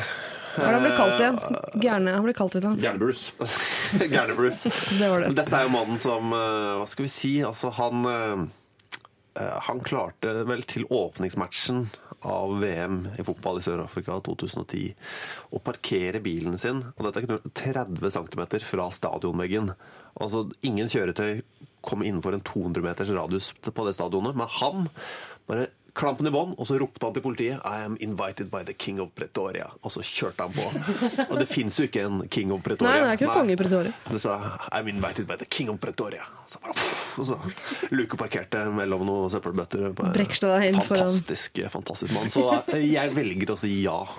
Vil du dedikere en låt til han eh, når vi først er i gang med? Nei, da, han hadde en sånn lue gikk med en lue som var så kjip at jeg, jeg kommer aldri til å dedikere en Han var låt. sånn halvlue. Nei, men sånn tynn, vet du. Sånn, sånn tynn som er sånn tynn som en plastikkpose, men som sikkert har veldig sånn termoeffekt. Ja. tror sånn døv treningslue. Får ikke lov. Det eneste jeg kom på som jeg syns er døvere enn det, det er, og det er jo en del Vålerenga-fans som dessverre går med det, det er de som har caps uten brem. Ja, det må vi Faen, slutte med. det. Ja, det må alle slutte Det med. må alle slutte med. Ah, da, da har jo ikke capsen noen funksjon lenger. Nei, det er bare det er en, Hva heter det? En kippa? Er det ikke det heter? Det jødiske hodeplagget? Mm. Da er det en kippa som En dritstor Størrelse en ekstra large. kippa. kippa. Det er noe du har på deg i en briss. Der fikk dere et ekstra råd om what not to wear på Fes er hodet. det den kjelen, den røde kjelen som apen har på hodet. Vi fortsetter hattediskusjonen under Twin Atlantic og deres eh, Free, og så er vi snart tilbake med et nytt eh, problem som handler om eh, dette med kan man henge med kompisene til typen sin når typen faktisk ikke er til stede selv? Lørdagsrådet Den låta har jeg savna, merker jeg. Yes Man, Bjørn Johan eh, Muri. Jeg har faktisk savnet Bjørn Johan eh, Muri litt også. BJ Muri, som han går under kallenavnet her i P3. Du sier Muri. Muri, ja. Det er feil. Det er Muri. Jeg syns Muri er et finere. Jeg liker at når det går opp på slutten, så virker det mer positivt. Det er som folk som sier Kristoffer Joner. Altså, det er jo riv ruskende galt. Det er Kristoffer Joner. Jeg sier Joner. Ja, og det er feil. Fordi han har en datter som heter Millie Joner, har han ikke? Eller Mille Joner. Det vet ikke jeg tror ikke det er en joke, jeg tror han Men har. Siri Kristiansen, Ja. eh, skal vi gå videre i programmet? Det kan vi gjøre. Eh, eh, Alexander Skau, du er rådgiver i dag, og det er veldig koselig at du er tilbake her sammen med oss. Eh, Aisha Afif, eh, hyggelig at du også kommer på en lørdag. Kom på så du jobber og ræva av deg hele uka i nøyaktig dette rommet. Eh, og Odd Magnus Williamson, at du har eh, lagt til kai med sivflåta di. Nei, hva er den lagd av? Hemp? Hasj? Nei, den er lagd av balsatre. Balsatre? Hva? Det er typisk TP-spørsmål. Hva er det på engelsk? It's um, Balsa tree. uh, balsa logs. Balsa logs. Mm. Ikke Fleetwood Mac, altså. Ikke Fleetwood Mac. Eh, hei! Samboeren min var borte sist helg sammen med jobben sin, og jeg var invitert en kompis av han for å spille poker. Jeg fikk en melding fra samboeren min, og der sto det Du ville ikke likt om jeg dro til dine venninner og var sammen med dem en kveld.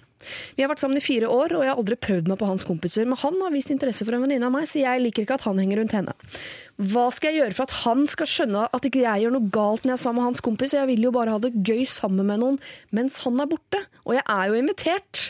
Hilsen jente 23. Jeg har lagt ut dette på Facebook-siden til Lørdagsrådet, sånn at vi, den store vennegjengen vi er, kan diskutere det. Alle har vært sånn Det må være lov å henge med kompisene til typen sin, selv om han ikke er der. Alle mener det. Er det sånn her også? Mener alle at hun selvfølgelig skal få lov til å henge så mye hun vil med hans kompiser når han ikke er der? Du, du sank sammen som en, sånn, solsikke i desember, Odda. Det her eh, Altså, jeg, jeg skal ikke bli helt uh, Dr. Phil, men, det, men, men det interessante er jo ofte det som ligger mellom linjene her. Og hun uh, henger med hans venner, og så trekker hun fram en episode om at han har vært interessert i en venninne av henne før. Altså Her ligger det et eller annet veldig uoppgjort mellom linjene. Eh, jeg sier bare for å gå liksom rett på rådet. Altså Ja, nei, selvfølgelig er det greit at man henger med venner av folk. Og, og folk er sammen ute, og man er store venner, og, og alle blir venner, og alle henger om hverandre. Og, og i Det hele tatt, det, det er helt greit, men her er det noe mer. Her er det et eller annet uoppgjort, her er det en maktposisjon som er litt ute av balanse. Jeg vil rett og slett anbefale å gå, til, eh, gå i parterapi. Og så tenker man oi, det er veldig veldig dramatisk. Ja, det kan så være, men installerer du alarm før eller etter innbruddet? Fordi her er det et eller annet som dere ikke helt klarer å liksom ordne opp i, som egentlig ikke er så stort, men som er et sånn bitte lite sandkorn i maskineriet deres, som er nok til å liksom ruske det ganske godt i stykker i løpet av lang tid. Gå til parterapi, som en, gjør en morsom greie ut av det, og snakk med henne om det. Jeg kan ikke hjelpe dere. Så ærlig. Men han er jo skeptisk til at hun skal henge med hans venner fordi nettopp han vet hva han tenker om hennes venninner. Tror du ikke det? At det ligger noe eh, sjalusi der? Ja, for det, det må, det, er- jeg er helt enig med, med Odda. Det, kan jo ikke være, det må jo være noe der. eh, Så, fordi det er jo Jeg klarer ikke fatte at det skulle egentlig være et problem. Å få sende en sånn sur melding, sånn sjalu, litt jentete melding sånn du, du hadde ikke likt det hvis jeg hang med dine venner. Så det er jo et eller annet der. Og det må de finne ut av. Um, det, det er jeg helt enig i. Det Hvordan det skal hun få han til å skjønne at hun ikke gjør noe galt når hun er sammen med hans kompiser? lurer hun på. Hvordan skal hun få han til å skjønne det? Jeg tror ikke det er det det handler om, altså. Nei, det er det. det Jeg tror det handler om eh, at eh, han har litt grann dårlig eh, samvittighet. Som han er litt ergerlig på seg selv for, fordi da har hun på en måte litt sånn tak over han. Og så prøver hun på litt feil måte, liksom kanskje underbevisstheten, og, og rette, opp, det- rette opp en egen stolthet eller et eller annet sånt. noe. Og det, og det her er jo en bitte, bitte liten uh, fiberflis i foten, men det er nok til at dere går liksom og kjenner og tråkker på det. Det er jo en fiberflis som er stor nok til at det er dårlig stemning annenhver helg, da. Ja. Ja, men det er jo det. Og så er det drama. Drama i hverdagen. Fy faen, det er så meningsløst med drama. Du er enig i det? ja, jeg synker sammen som solsikken igjen, altså. Ja, altså Drama det er altså så overvurdert. Du skal ikke ha drama i livet ditt bare for å ha drama. Hvis du er Det er derfor vi sånn- har TV. For å se på drama Ja, som er iscenesatt. og her bare, Dette stinker dårlig stemning så utrolig ofte. 'Å, du gjorde det, ja, men jeg gjorde ingenting.' Jeg, gjorde, ja. Um, jeg henger meg på solsikken og sier parterapi. Gjør noe gøy ut av det, og så få det ut av verden. Og Kanskje det ikke er dere. Oh. Men, men konsept... Det var ikke brannfakling brannfakkel engang, det var et bitte litt stearinlys men, men konseptet å henge med kjærestens Ja. venner eller kompiser eller venninner, det er helt greit. Er det Men- 100 greit? Ja, men ikke Det med en litt gang. an. Men i det øyeblikket det liksom er dårlig stemning, bare slutt. Slutt det- med det, og så finn ut hvorfor det er dårlig stemning. Ja, men det er nettopp, nettopp det, da. For det kan jo være det, Grunnen til at det er vanskelig å hjelpe dem, er fordi vi ikke vet hvorfor eh, de har, eller han har problemer med at hun skal henge med kompisene og av hele den historien. Men det kan være flere forskjellige ting. For det kan jo, det kan jo kanskje hende at hun er veldig sånn «Åh, 'Gutta, jeg er i poker', og skal være så innmari med. Og så syns kanskje vennene hans at det er litt døvt. Hun er invitert Hun er invitert, da. på pokerkveld. Okay. Nei, da vet jeg ikke hva det kan være. Men jeg tenker, burde hun ikke bruke anledningen til å henge med de gamle venninnene sine? For det er jo, dette går veldig sjeldent andre vei. Det er veldig sjelden at gutt og jente blir sammen. Og så begynner han å henge bare med hennes venninner. Det skjer jo aldri, men det skjer ofte. Og gutter er ofte mye morsommere å henge med. Eller det motsatte kjønn er ofte morsommere å henge med ens, eh, enn ens egne. Nei, Det er ikke mange gutter jeg vet om som har fått seg dame og så har begynt å henge med hennes venninner utelukkende, Nei. også når dama er borte. Nei, det har du helt rett i. Men, Det har jeg til gode å oppleve. men Odda, her har du muligheten. Du er jo akkurat eh, Du er jo i imponeringsfasen. Du spiller du dedikerer låter på radioen. Du kan jo prøve ut dette her i noen måneder. Ja, det- Henge med hennes venninner. Bare hennes venninner, også når hun er borte. Ikke sant? Kommer det til å skje? Ehm, Ikke lat som. Nei, men vet du hva? Det er- trenger- det Nei, men vet du hva? Det sånn Det er litt sånn at, eh, som vi snakker om, at det er helt greit hvis man har et, hvis det er, la oss si, det er to vennegjenger, og så blir Romeo og et eller annet sammen fra de forskjellige, og så, og så er det liksom en greie som Vi er jo en sånn, i hvert fall jeg og Siri, er jo en stor kompisgjeng, og der henger jo alle rundt med alle, og det er jo ikke noe sjalusi hvis du plutselig skulle dratt ut på byen sammen med Henrik Todesen og meg. Det er, jo, det er jo liksom et kameratskap i bånn. Det er ikke noe problem. I det tilfellet her så, er det, så har han brutt en eller annen slags tillit til å bli interessert i hennes venninne tidligere. Det ligger der som en sånn bitte, bitte, bitte liten tumor i eh, kjærlighetslivet. Og den tumoren må dere få ut, og den, det kan dere fikse, men dere trenger profesjonell hjelp til det. Tre sessions i parterapi, så er den borte. Bestill nå. Jeg kan anbefale Hedvig Montgomery i Parkveien hvis dere bor i Oslo. To armer i været for parterapi. Hiver du deg på, Aisha Afif? Ja, hvorfor ikke? Kjør tre, er det to måneder parterapi.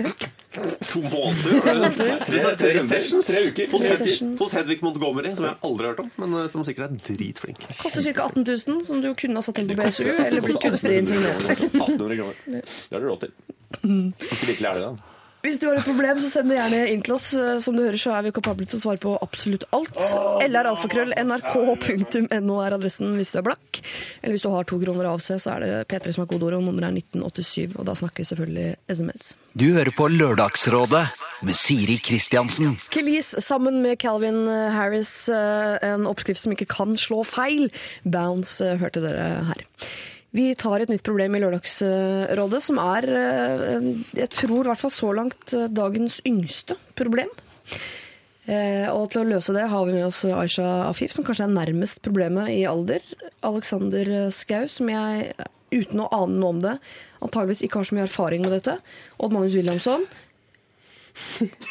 Er det, Jeg tør ikke å si noe, jeg vet ikke. er det et sesongrelatert spørsmål? Ja. Det er et sesongrelatert spørsmål.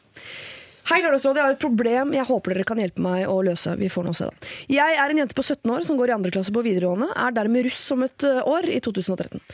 De to nærmeste vennene mine har satt i gang et russebussprosjekt som de ønsker å bruke en del tid på. Jeg har fått tilbud om å være med, selvfølgelig, og takket jo ja. Nå i ettertid har jeg tenkt litt over hva jeg egentlig vil gjøre i russetiden. Jeg har ikke lyst til å ødelegge 13 års skolegang med et par ukers festing, og jeg vil heller ikke bruke mye penger og tid på oppussing av en buss. En av starterne av denne bussen sa i dag at det er kun snakk om en uke før vi må begynne å planlegge. Det syns jeg er litt dumt, når det tross alt er over et år til jeg er russ. Jeg er opptatt av å gjøre det bra på skolen og bruke mye tid på skolearbeid. Å begynne allerede nå er ikke så veldig tiltalende for min del. Jeg har, noen, jeg har ikke fått noen tilbud fra andre, så hvis jeg trekker meg fra denne bussen, så står jeg alene. Og jeg er redd for å virke kjip hvis jeg bestemmer meg for å være en såkalt gå-russ. Jeg håper dere kan gi meg noen tips om jeg burde være med eller ikke. Eller er det kanskje en, en idé å inngå noen kompromisser her? På forhånd takk. Hilsen eh, Margrethe. Grunnen til at jeg er skeptisk om du har erfaring Jeg ser ikke for meg at du har vært med på russebuss. Alexander. Spytta litt penger inn i en sånn Ford Transit. Og Ford så i midten av april så skulle han ene kjøre bilen til eh, skolen. Og så gikk han i den klassiske liksom, tegneseriefella eh, og så en pen dame. Dette er ikke tull det høres ut som jeg finner på, men det er jo ikke det. Eh, Og så en pen dame som han snudde seg etter. Eh, Og så ble det rødt lys foran ham, så han kjørte det inn i ræva på bilen foran og, og drepte bilen.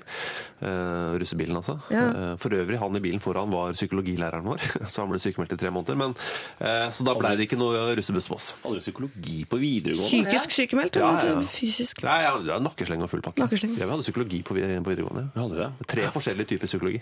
Jeg merker det. Jeg Jeg tok alle tre, for det var så lett å få sex. Altså karakteren. Ja, Og så er jeg jo avholdsmann, det er sikkert det du tenker på altså. Det tenkte jeg faktisk ikke på. Jeg bare så deg ikke i en russebuss. Nei, det, Det skal du ta som en kompliment. altså. Takk. Aisha, du eh, var jo russ nå nettopp, nesten. For et års tid siden. Ja. Hva tenker du? Um, nei, jeg sy- syns jo hun Jeg syns hun virker uh, smart. Det virker som hun nesten har løst problemet sitt selv. Uh, med å inngå jeg, jeg skjønner godt at hun ikke har lyst til å gå i russetiden eller sykle opp til Tryvann eller hvor det nå er hun skal feste. Men uh, jeg tror nok hun bare må si det som det er, og si sånn jeg har veldig lyst til å være med på bussen, og jeg, selvfølgelig vil jeg være med og bidra. Det må hun jo regne med. Hun kan ikke være sånn gratispassasjer på den bussen. Det blir bare veldig irriterende for alle. Um, men at jeg er veldig opptatt av å bruke tid på skolen. og sånn. Jeg, jeg, ting ordner seg ofte hvis man bare sier det som det er. Hun har jo ikke lyst til å lure noen eller, eller lure seg unna. Hun bare Altså, du er, Er- kaster deg på kompromissbagen. at sier, Ja. Jeg blir med på bussen, jeg betaler det det koster, sånn, men er det noe rom for at jeg kan bruke mindre tid på selve oppussingen? Kanskje hun kan betale litt mer penger, da. Betale seg ut av problemet pleier alltid å funke ganske bra. Ja, så muligheten til det, så er det en deilig måte å leve livet på. Det er helt enig Ja, Jeg kaster meg på det og sier også at dette er noe du kan betale deg ut av. Du skal altså, bidra eh, med eh, like mye som de andre. Kanskje litt mer til og med. Skaff en ekstra sponsor hvis faren din driver en eller annen blomsterhandel på et eller annet. Ja, altså, sånn, men putt litt ekstra inn i økonomien, sånn at, eh, at du kjøper deg litt ekstra samvittighet der. Og så er det ikke Selv om altså, jenterussebuss er jo per definisjon det største kaoset et menneske kan gå inn i, bortsett fra borgerkrig. Eh, så det er, det er jo ofte mye liksom, styr med det. Men oppussing av denne bussen skjer jo ofte i, eh, i påsken. Så hvis du nå på forhånd kan si sånn Jeg har lyst til å bidra, jeg skal fikse sponsorer. Akkurat planleggingsfasen nå er jeg sliter rett med, for jeg har jo rytmisk sportsgymnastikk alle dagene i, eh, i uka. Men jeg skal bidra med når tiden nærmer seg. Så tror jeg også at når tiden nærmer seg, så kommer du til å ha lyst til å være med på dugnad og male litt. og For akkurat det, det, jeg husker, det, det jeg husker fra husstida, altså det det, noe av det som var gøy, var jo faktisk en planlegging sånn malinga og hva skal vi skrive og hva skal det hete. Og jeg kjenner en som kan tagge, kanskje han kan lage noe for- på siden der. Og det var jo kan komme og lage pis på bussen. sånne type ting. Du må finne, du må, du må sette deg ned. Eh, Du har sagt ja til dette her, og det er, det er litt forpliktende, for det er litt uh, Ja. russebuss er viktig. da. Så bidra økonomisk. Se om det er noe du kan skaffe inn. At du plutselig ordner et eller annet med at faren din driver noe aggregatbutikk. Et eller annet du kan bringe til bordet, sånn at du kjøper deg litt, Ja. kjøp deg litt fri. Og vær veldig løsningsorientert. eh, Og også en viktig ting for ikke Selv om kanskje hun har jo rett i at eh, Jeg er jo på en måte enig med henne at burde, man burde ikke bare feste bort det siste tiden på det er, det er jo et liv etter russetiden som man må forberede seg på. Men ikke kjør veldig attitude på det overfor de andre jentene. For det kan bli veldig provoserende hvis hun er sånn jeg, må, jeg skal faktisk gjøre noe, jeg. Så jeg må lese og hva- gjøre lekser og sånn. Men hvis, blir du, litt Ja. hvis du ikke Men så er det mange som ikke har lyst til å være russ. Syns det er jævla døvt å være russ. Jeg må ikke glemme Det Det er ganske mange som syns det er sånn Åh, faen, alle skal være russ, og det er så jævla press om å være russ. Men så føler jeg at jeg kommer til å være skikkelig kjip hvis jeg ikke er med på russetida og ikke er med på noen ting. Men det er faktisk helt greit. Ja. Det er, hvis du ikke har lyst, er det bare, det er bare å ikke gjøre det. Altså, Det gjelder det meste av livet. Altså, hvis du ikke har lyst, og det ikke er sånn livsviktig, sånn hjertetransplantasjon eller organdonasjon til uh, dattera di, så, så er det faktisk lov til å si Nei, vet du hva, jeg, ha, det, ha det gøy, men Ja, kan, for jeg tenker, Man må ikke være russ, Nei. og når hun er såpass åpen for å faktisk hoppe over russetida, så er jeg litt frista til å si sånn Jeg syns du skal si nei til russebussen. Hopper, over, og, vi- og du kan jo være med på én eller to arrangementer, og da du kommer deg opp dit. Da får du si kan jeg betale fem millioner og være med på russebussen én dag, f.eks. Det er litt skottete, altså. Jeg, jeg Kjøp deg ut av det. Eh, Ta de 25 000 sure kronene som du skulle reist til Bali for eh, når du var ferdig, og putt de inn i, i, i dette her, og så, og så er du heller litt mindre med. Litt her og der. Ja, for jeg kan ikke tenke meg Men jeg er enig i at det er lov å hoppe løpet av russetida. Fordi tenk, Det er å- ikke tenk, så å- gøy å være tenk å stå opp, være i liksom Kongeparken i Stavanger og ha brukt masse penger og egentlig ikke har noe lyst til å være Det må være det mest forferdelige. Jeg kan ikke tenke meg noe mer grusomt. Jeg som bare vil være hjemme og lese norsk Ja. Sitte bakerst i russebussen mens alle vennene dine er kjempedrita, og du skulle bare helst ha vært et helt annet Hun høres jo ikke helt sånn ut heller, liksom. Hun høres ut som et uh, ja. mm. Det er mer en lansering, eh, hvis det Jo, For men Det høres ikke ut som hun har kjempelyst til å bli russ. Og for en som er på andre sida av russetida, så tenker jeg hvis ikke du har kjempelyst, så er det ikke verdt å bruke hverken tid eller penger på, for det er, det er ikke så gøy. Det er ganske gøy. Jo, hvis du er en sånn, hvis du er en russeperson, Hvis så er det nei, gøy, nei, men hvis du er en bra, litt sånn Hvis det er en bra gjeng også, så er det, så er det ganske Ja. gøy, altså. Ja. Kan det ikke Må det være 100% jentebuss? Jeg var ikke på 100% Vi var en blandings... Det er ingen som snakker om jentebuss. Ah, ok.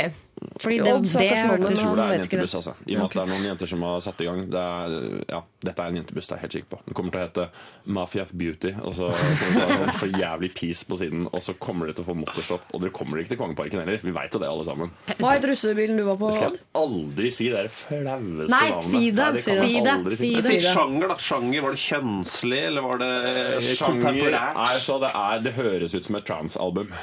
Men, så, men var det, det, så det var en seriøs skal- eh, Ja, det var helt Buss? Bil? Okay. eh, Stor buss med masse Gags. Masse, masse, masse colaavhengige slåsskjemper fra vestkanten med Oi. et stort lydanlegg på taket. Det var ganske skummelt. Jeg var så glad vi ikke var russ samme år. Hva het bilen du var på? Eh, buss? Bussen vår het eh, Maud Angelica on tour 2004.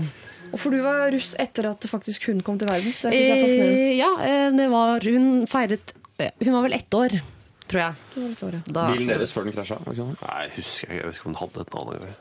Ja, det var ikke plass til navnet, den var så liten. Vi hadde Dodgevan, limoutgave, altså en påbygd Dodgevan, eh, og var da åtte jenter, og den het Fellesmeieriet. Stort, mer harry enn det er det vanskelig å få det. Og jeg gremmes den dag i dag. Da føler jeg at trans-album er mye flauere. Ja, det er det er Hva er det da? Kom igjen, da. det er det. Jo! Si det! Vær så snill! Kom igjen. Si det! Si det! Vi spiller ikke Dream On før du sier det. eh. Er, den het eh, Nei, vet du hva. Si det! Si det! Du må si det. Det, het, Det er lenge den- Ja, Greia var det at det skulle være den feteste lydbussen. Og så etter det, og så Var du sånn? som- Jeg var ikke sånn. Nei, ok. Men det var noen som kom på det at den skulle hete For litt sånn, der, eh, for litt sånn dobbelthet i i det, så skulle den hete Silence. Med Z. Silence med Z. Silence. S-I-L-E-N-Z-E. Silence. Og så var det liksom at den hadde den kjempelyden her. Ja, Det var ille. Så var nesten et ordspill også. Med sett. Ordspill med sett. Oi, oi, oi, oi. Eh, Vi vil gjerne vite hva du går for, eh, Margrethe. Blir det russebuss? Eh, Blir det et kompromiss? Hopper du over hele greia? Gi oss litt tilbakemelding på det, gjerne på mail. eller Eh, Og det er også adressen du bruker hvis du har et problem. Vi har en time til med rådgivning, så det er plass også til dine problemer her hos oss i dag. Men nå, dette er Dream On og låta Closer. Lørdagsrådet. Gautje og Kimbra hørte dere 'Somebody That I Used To Know'. Eh, og jeg sitter her sammen med Odd Magnus Williamson, Alexander Schou og Aisha Afif. Og Odd Magnus forpester hele rommet med å spise mat som lukter så vondt at jeg har lyst til å si takk for i dag, klokken er tolv. Som. Men, men du har ikke fortalt hvor ekkelt det ser ut? Ja, fordi Tatt en boks med noe tunfiskeræl og blanda det med cottage cheese. Det ser ut Jeg vil beskrive den maten. Det ser ut som en blanding av hestemens og, øh, og Qatar. Altså Qatar, ikke som i landet. Landet Qatar. Det Men det er oppkast. Det er oppkast. Ja, det, men det er beyond oppkast. Dette Og det er lukter sånn, er sånn um, Hva heter det sånn um, Sånn som gamle mennesker når det, liksom, det slutter å fungere, så de får sånne fe fekale, Fe- fekale brekninger. fekale brekninger. Ja. Når da liksom uh, maten er fordøyd, blitt til bærs, og så kastes det opp. Det er det siste som skjer før de dør. Ok. God uh, lørdag. forresten. God lørdag til deg som sitter og koser deg med frokost og hører på Lørdagsrådet. Vi har fått inn en SMS fra. En arkitekt 37 år gammel fra Fredensborg, Oslo. Akkurat nå sendte en SMS som jeg tenkte jeg skulle lese for dere. Kjære Lørdagsrådet. Jeg har et lite dilemma, eh, men det plager meg. Kan dere hjelpe meg? Jeg er meget, meget avstandsforelsket i en nydelig pike som jobber på en trendy kaffebutikk rett over gata der jeg bor. Men nå kan fundamentet slå sprekker. Sakens kjerne er således. Min yndlingskaffe er dobbel cortado på lettmelk, som jeg kan uttale skikkelig stilig. Cortado. Etter en språkreise for noen år siden til Syden. Hun smiler lurt når jeg bestiller, noe hun bare gjør til meg, tror jeg. Men jeg har funnet ut at eh, kafeen tar to kroner mer for cortadoen enn for en caffè latte. Selv om det jo er mer melk i en latte, og det er helt sykt. Vil jeg ødelegge et potensielt vakkert forhold ved å klage inn urettferdigheten, eller bør jeg tie, bite det i sure eplet og betale overpris for mindre? Kanskje hun vil tenke at jeg, er en, eh, at jeg er opptatt av rettferdighet og tenner på god økonomistyring? Hva gjør jeg? Hilsen arkitekt 37 Fredenborg Oslo. Dette er jo veldig Jeg- fint. Jeg tror ikke han er altså, man Jeg høres må- gæren ut, så tror jeg- ikke han er gæren. Jeg tror han er en veldig fin fyr. Ja. Eh, jeg må ha han, fordi eh, jeg syns det virker som han har så god økonomistyring eh, og rettferdighetssans. Så hvis du bare kan gi meg nummeret hans, Siri, så vil jeg gjerne ha han. Du dumper han du har, Å ja. og går for ja. Ja. Ja, to kroner er to kroner der, vet du. Plutselig har du 18 000 og BSU-kontoen er full. Hvem vet? Trygve Hegnar lever jo etter det. Eh, han går jo ikke forbi en tomflaske uten å pante den. Den det dag i dag. Ja, og det er sånn jeg blei rik. Uh, så jeg sier bit i det sure lemmet og gå og klag på de to kronene. Aldri vært snakk om å bite i noe lem her. Det er et eple. Ja, jeg velger allikevel å si bit i det sure lemmet og gå og, og klage på de to kronene. Sånn mener, du, Han er altså avstandsforelsket i en pike som, eh, som serverer en dobbel cortada, som han uttaler det. Um, vil han ødelegge Altså Er det noe håp der i utgangspunktet? er jo et relevant Det spørsmål. er, jo, det er jo kl- selvfølgelig, hvis han går til henne seriøst og legger fram en sånn case, så er det klart at han ødelegger det. For han framstår jo veldig skottete og veldig, veldig kjip. Ja. Men hvis han gjør det på en sjarmerende måte, så kan han jo bruke det her som en trojansk hest inn i hennes hjerte. Ved å, å gå til henne og ha lagt opp en eller annen sånn sjarmerende økonomisk eh, beregning hvor han snakker om hva Når han har kjøpt så mange plater og sagt sånn OK, to kroner, jeg har kjøpt over 100 kortaler med det, er 200 kroner, jeg kunne tatt deg med på kino for de pengene. Bare Å, så du god vet idé. det. Ikke sant? Ja. Og så har du på en måte en eller annen sånn en motivasjon for å begynne en eller annen tøyseprat rundt det. Men hvis du går Høres seriøst han og klar- tøysete ut? Ja, jeg- Ja, det er jeg usikker på. Men jeg skjønner ikke hvorfor han Jeg føler at han vet hvorfor den eh, cortadoen er overpriset. Hva vet han om hva som skal til for å lage en cortado? Det er melka som er dyr, Kanskje, kanskje, kaffen kaffen? Kanskje de bruker en annen kaffe som er litt dyrere? Eh, han har jo dratt noen konklusjoner som man egentlig ikke kan dra. Jeg tror basen, altså espressoen i samtlige kaffedrikker, er den samme. skjønner. Ja, men kanskje han, får man får mindre espresso i en latte? Nei, man gjør ikke det. Det er dobbel, så jeg har litt sånn Jeg har vært noen dager som barista-shit.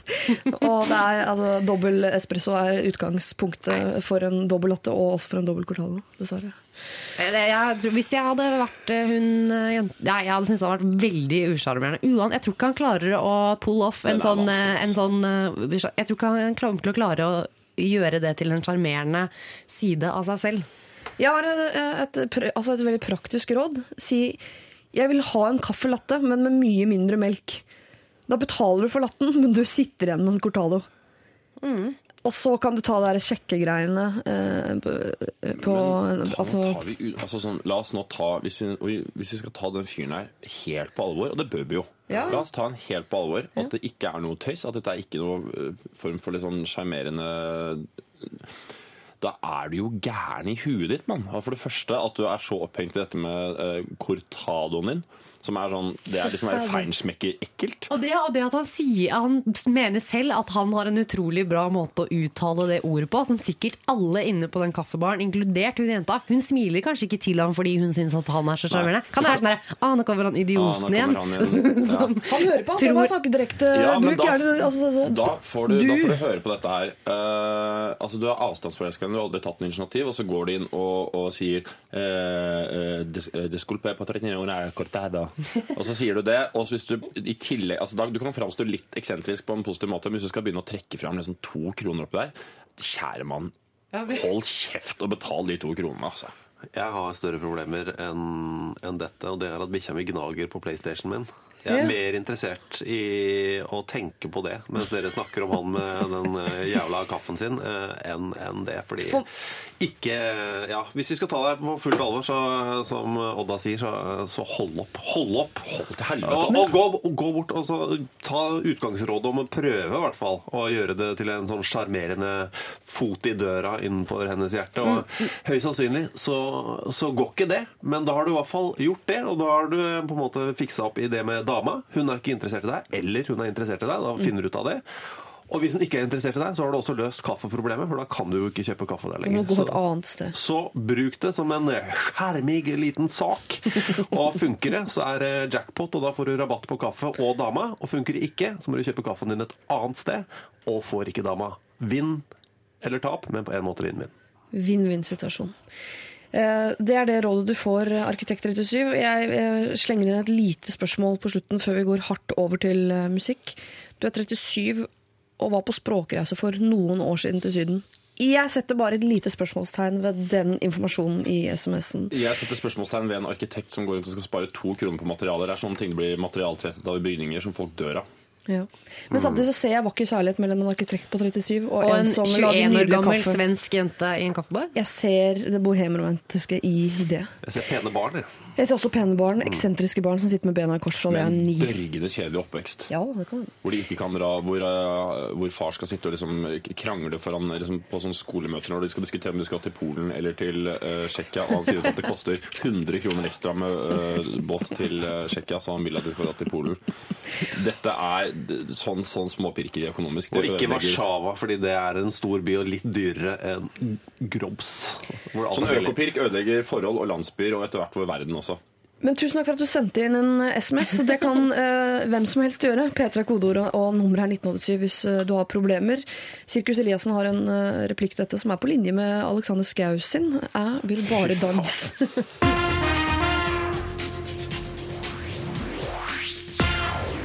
Sirkus Eliassen, det der er vil bare dans. Vi har fått inn en uh, SMS hvor det står Jeg begynner å få problemer med å høre på problemene til andre. To kroner, liksom. Kunstig befruktning eller BSU. What the fuck er det en som har sendt inn. Eh, Du skal få et eh, problem her nå som jeg vil klassifisere som ganske mørkt og alvorlig. Her er det en ung jente som trenger vår hjelp. Hei, Lørdagsrådet. Jeg er en jente på snart 16 år. Jeg har ikke hatt kontakt med min far på 15 15,5. Nesten rett etter at jeg ble født, bestemte mamma seg for å flytte tilbake til hjembyen sin, vekk fra hovedstaden og vekk fra min far. Da sa pappa at han ikke ville ha kontakt med oss mer, og det har han heller ikke hatt. Mamma har fortalt meg at han alltid ville kontrollere andre, og ikke likte at mamma for var sammen med venninner en kveld. Han likte heller ikke at folk sa han imot, og ble sint og sur. Nå har jeg fått vite at pappa har blitt syk og har mest sannsynlig ikke mye tid igjen. Jeg har alltid tenkt at hvis jeg noen gang får lyst til å møte han, kan jeg jo bare gjøre det når jeg blir eldre. Men siden han nå er syk, så er det vel nå eller aldri. Skal jeg ta sjansen på å møte han? Han har ikke jobb, han sitter i leiligheten sin med røyken i munnen for det meste av tiden, hvis jeg skal tro på ryktene. Men jeg er redd jeg kommer til å angre hvis jeg ikke møter han. Han er jo tross alt min far. Familien min her hjemme, altså mammasiden, tror ikke jeg kommer til å like det hvis jeg møter han. De liker ikke å snakke om han, men jeg vet at mamma hadde blitt med hvis jeg nå eh, velger å møte han. Egentlig har jeg mest lyst til å møte han om ca. ti år, men det er eh, antageligvis for seint. Hva syns dere jeg burde gjøre? Hilsen Mai. Skal hun dra og møte sin eh, døende far? Det er jo veldig vanskelig, fordi eh, hun, eh, det er så vanskelig når man blir fortalt noe om noen man ikke vet hvem er. Sånn, eh, hun, moren, og Det kan godt hende hun har rett i det, men hun vil jo alltid lure på om det var sant. Eller hun vil alltid ønske å ha sin egen mening om sin egen far. Ja. Så jeg syns jo på en måte kanskje hun alltid kommer til å lure, da. Eh, og hun er jo forberedt på at han kanskje ikke er eh, årets far på forhånd. Det er hun jo klar over. Så hun kommer jo ikke til å bli Det er jo ikke sånn at hun tror at han eh, er kjernefaren som sitter og venter på henne med åpne armer. Så hun er jo klar over alle disse tingene. Kanskje hun bare skal gjøre det.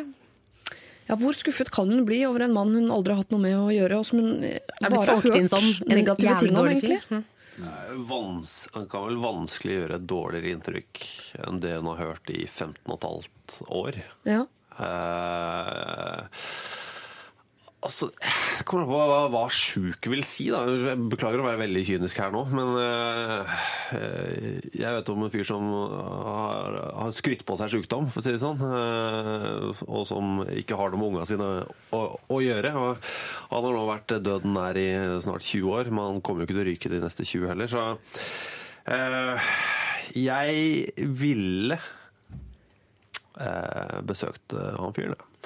Eh, av den enkle grunn at da har du gjort det. Ja. Og hvis han eh, er så døden nær som det, det sies, så kommer du til å angre så lenge du lever på at du ikke besøker han. Det ville hvert fall jeg gjort.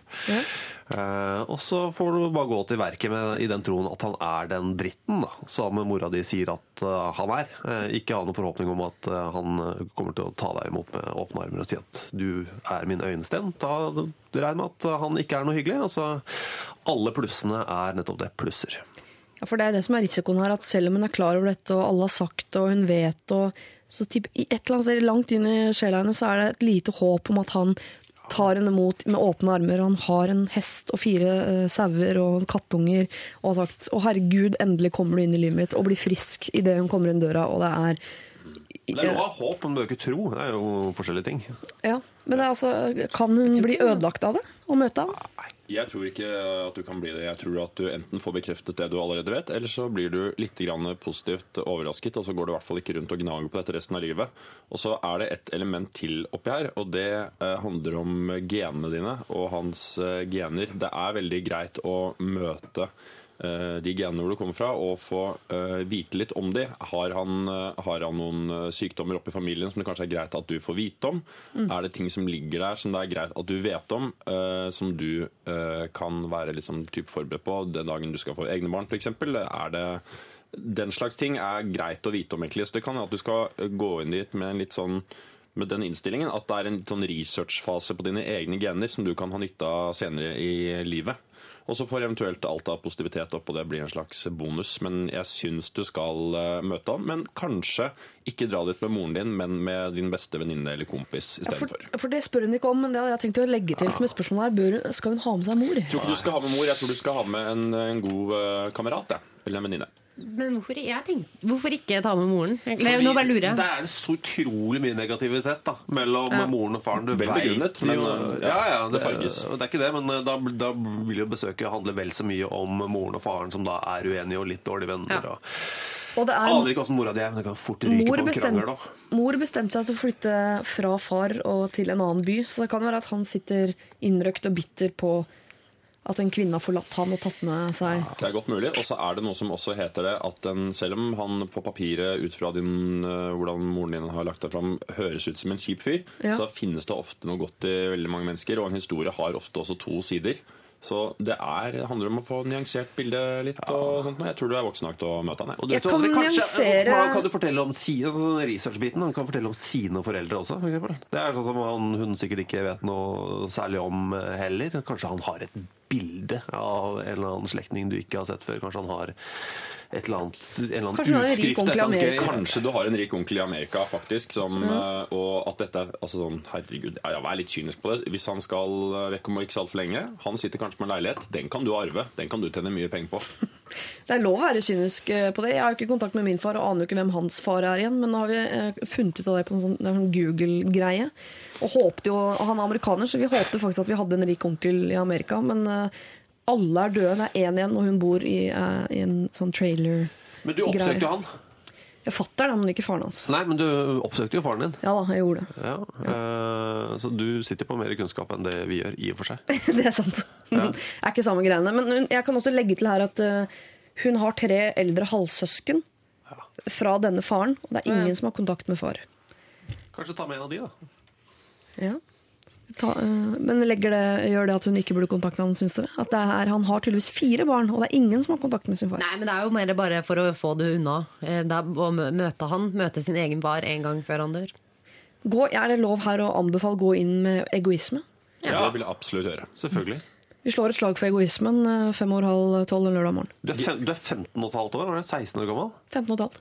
Nei, hun er 16, jeg har ikke sett ham på 15 og et halvt. Så i praksis aldri. da. Herregud, alt skal gjøres for deg. Du er 16 år gammel. Herregud, dette her er, eh, dette her er, eh, dette her er ditt. Ja. Ta det. Penger og legejournal, det jeg tenkt. 100 go fra Lørdagsrådet til eh, deg. Og her, jeg må få vite hvordan dette går. Besøkte du han? Ble du skuffet?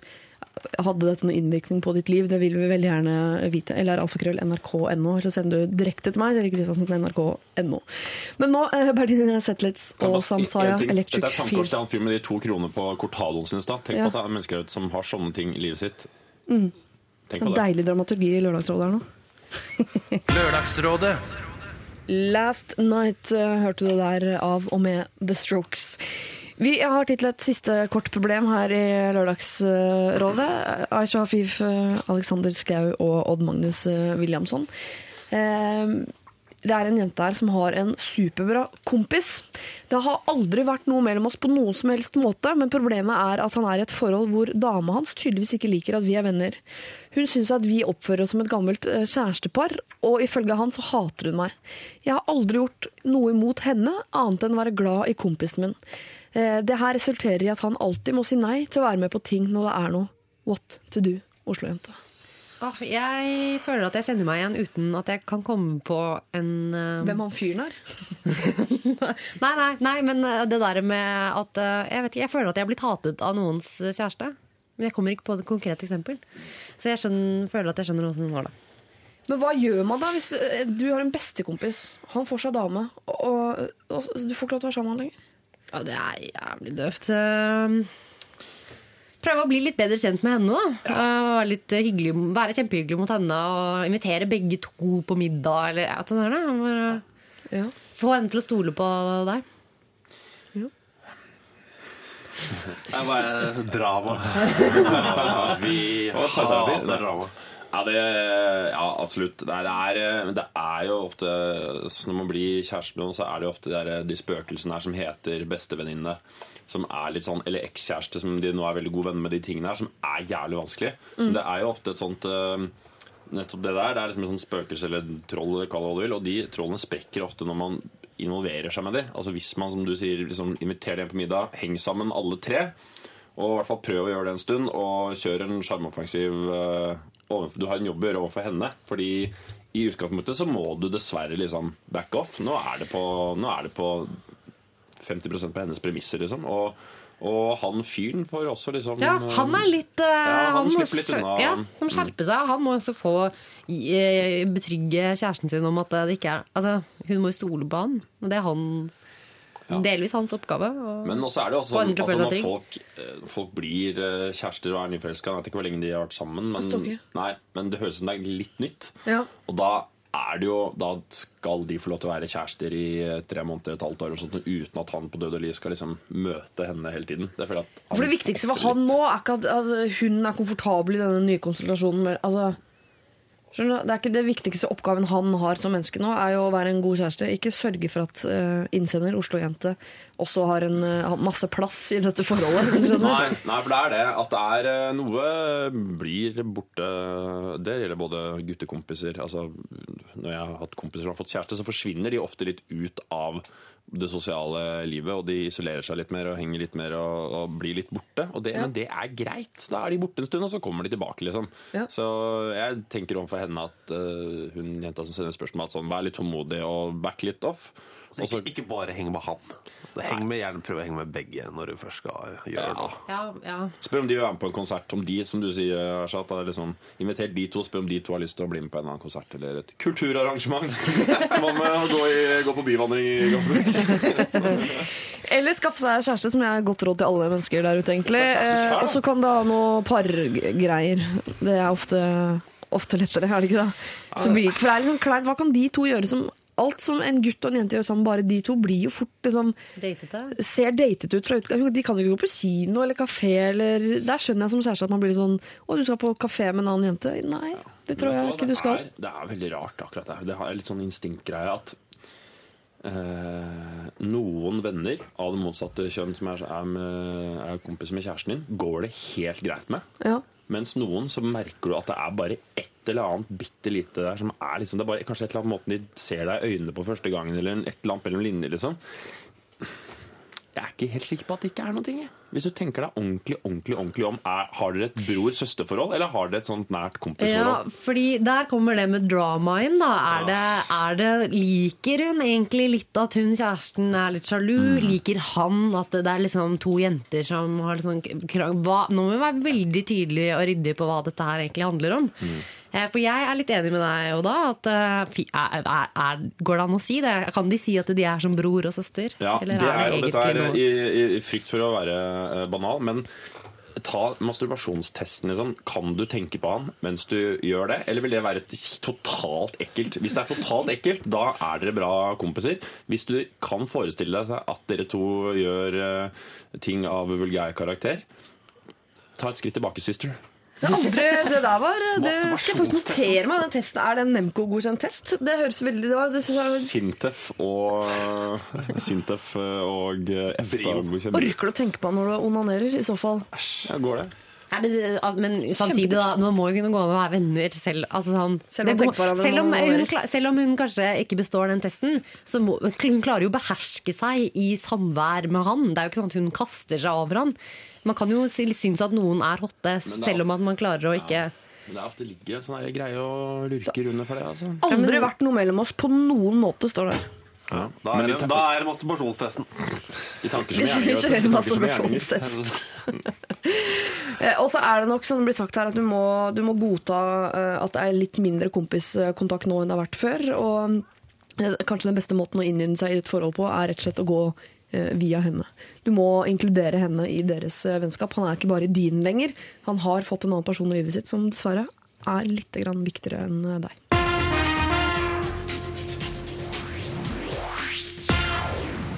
Mac Miller, eh, låta heter eh, Donald Trump. Eh, Vi skal nå dele ut en T-skjorte her i Lørdagsrådet, og det er det dere eh, rådgiverne som skal. Jeg har ikke noe jeg skulle ha sagt, men jeg kan lese opp eh, de aktuelle kandidatene. Hun som vil dumpe kjæresten, eh, som har vært der for henne gjennom tykt og tynt. Det var i nitida i dag morges, det er ikke sikkert dere husker det så godt. Eh, Han som vil bli kvitt en kompis som ikke tar hintet. Eh, Et lesbisk par som vil ha barn, men er redd at det står i veien for en fet BSU-konto. Hun som er venn med kjærestens kompiser, uten at han egentlig liker det. Hun som ikke vil være med på russebuss. Hun som vil kontakte sin syke far. Cortado-mannen. Eller hun som har en kompis med en dame som hater henne, som vi tok nå nettopp. Det er dagens kandidater. Er det lett å si sykefar, eller? Men Nei, jeg, jeg hadde lyst til å si han som han irriterende rasistiske kompisen. Eh, Hva med hun som skal dumpe han som har hjulpet henne i et helt år? da? Hva med å sende ut tre T-skjorter til Nei, det blir en. Nei, det blir en, ja. Nei, kom igjen, da. Han, han, han som må luke ut han ekstremt irriterende vennen fra vennegjengen. Jeg syns det er så bra, bra også at han tar ja, tak i det. Hvis han, hvis han som vil luke ut vennen, får den T-skjorta og kan sende den til han kompisen hans og si snakkes aldri. Vi, vi snakkes aldri, men her har du en P3-T-skjorte. Uh, Begynn å høre på den kanalen. Kanskje du får litt mer, eh, bedre verdier i livet ditt. Kanskje vi blir sammen etter hvert. Replikk uten at den skal være ledende i noe som helst retning. Vil vi at en kvinnefiendtlig og eh, innvandringsfiendtlig mann skal gå rundt i en P3-T-skjorte? Jeg vet at vi har to TV 2-figurer Ja. i studio, som vi tenker det, det, selvfølgelig skal vi det, men uh, yeah. Er det Hva var det du sa for noe? Du ville Hvis du tenker på vegne av kanalen hun, hun som hadde vært sammen med Som hadde hatt et fælt år, vært sammen med en fyr Blitt sammen med en fyr som hadde hjulpet henne i et helt år Og nå merka at det ikke var dem allikevel. Hun har vel fått nok ennå Har ikke hun fått nok? Ja, ok, men da er vi nede på to da Da går jeg for syke far Da er det to mot en, da taper du Ok. Er det to på syk far? Altså eh, jenta som uh, vurderer å kontakte sin syke far. Ja, hun, er, hun var jo på 16 år. Ja, jeg er enig. Som hun Hun kan- aldri har møtt Og Ja, han er kanskje i ferd med å dø Det Hun kan få er den. soleklar Hun skal få T-skjorte. Den ble soleklar nå. Den, at det er hun som får T-skjorte.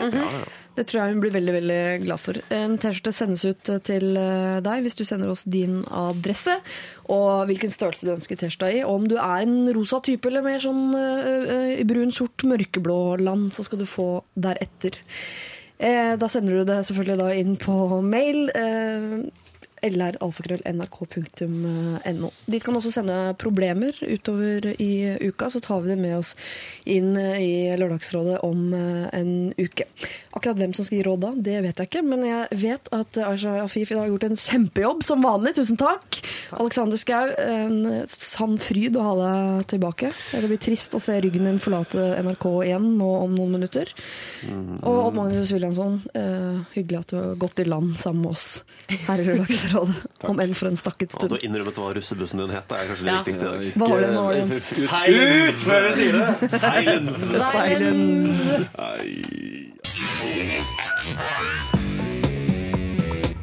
Du hører nå en podkast fra NRK P3. Hent flere podkaster fra NRK på nettsiden nrk.no podkast. NRK P3.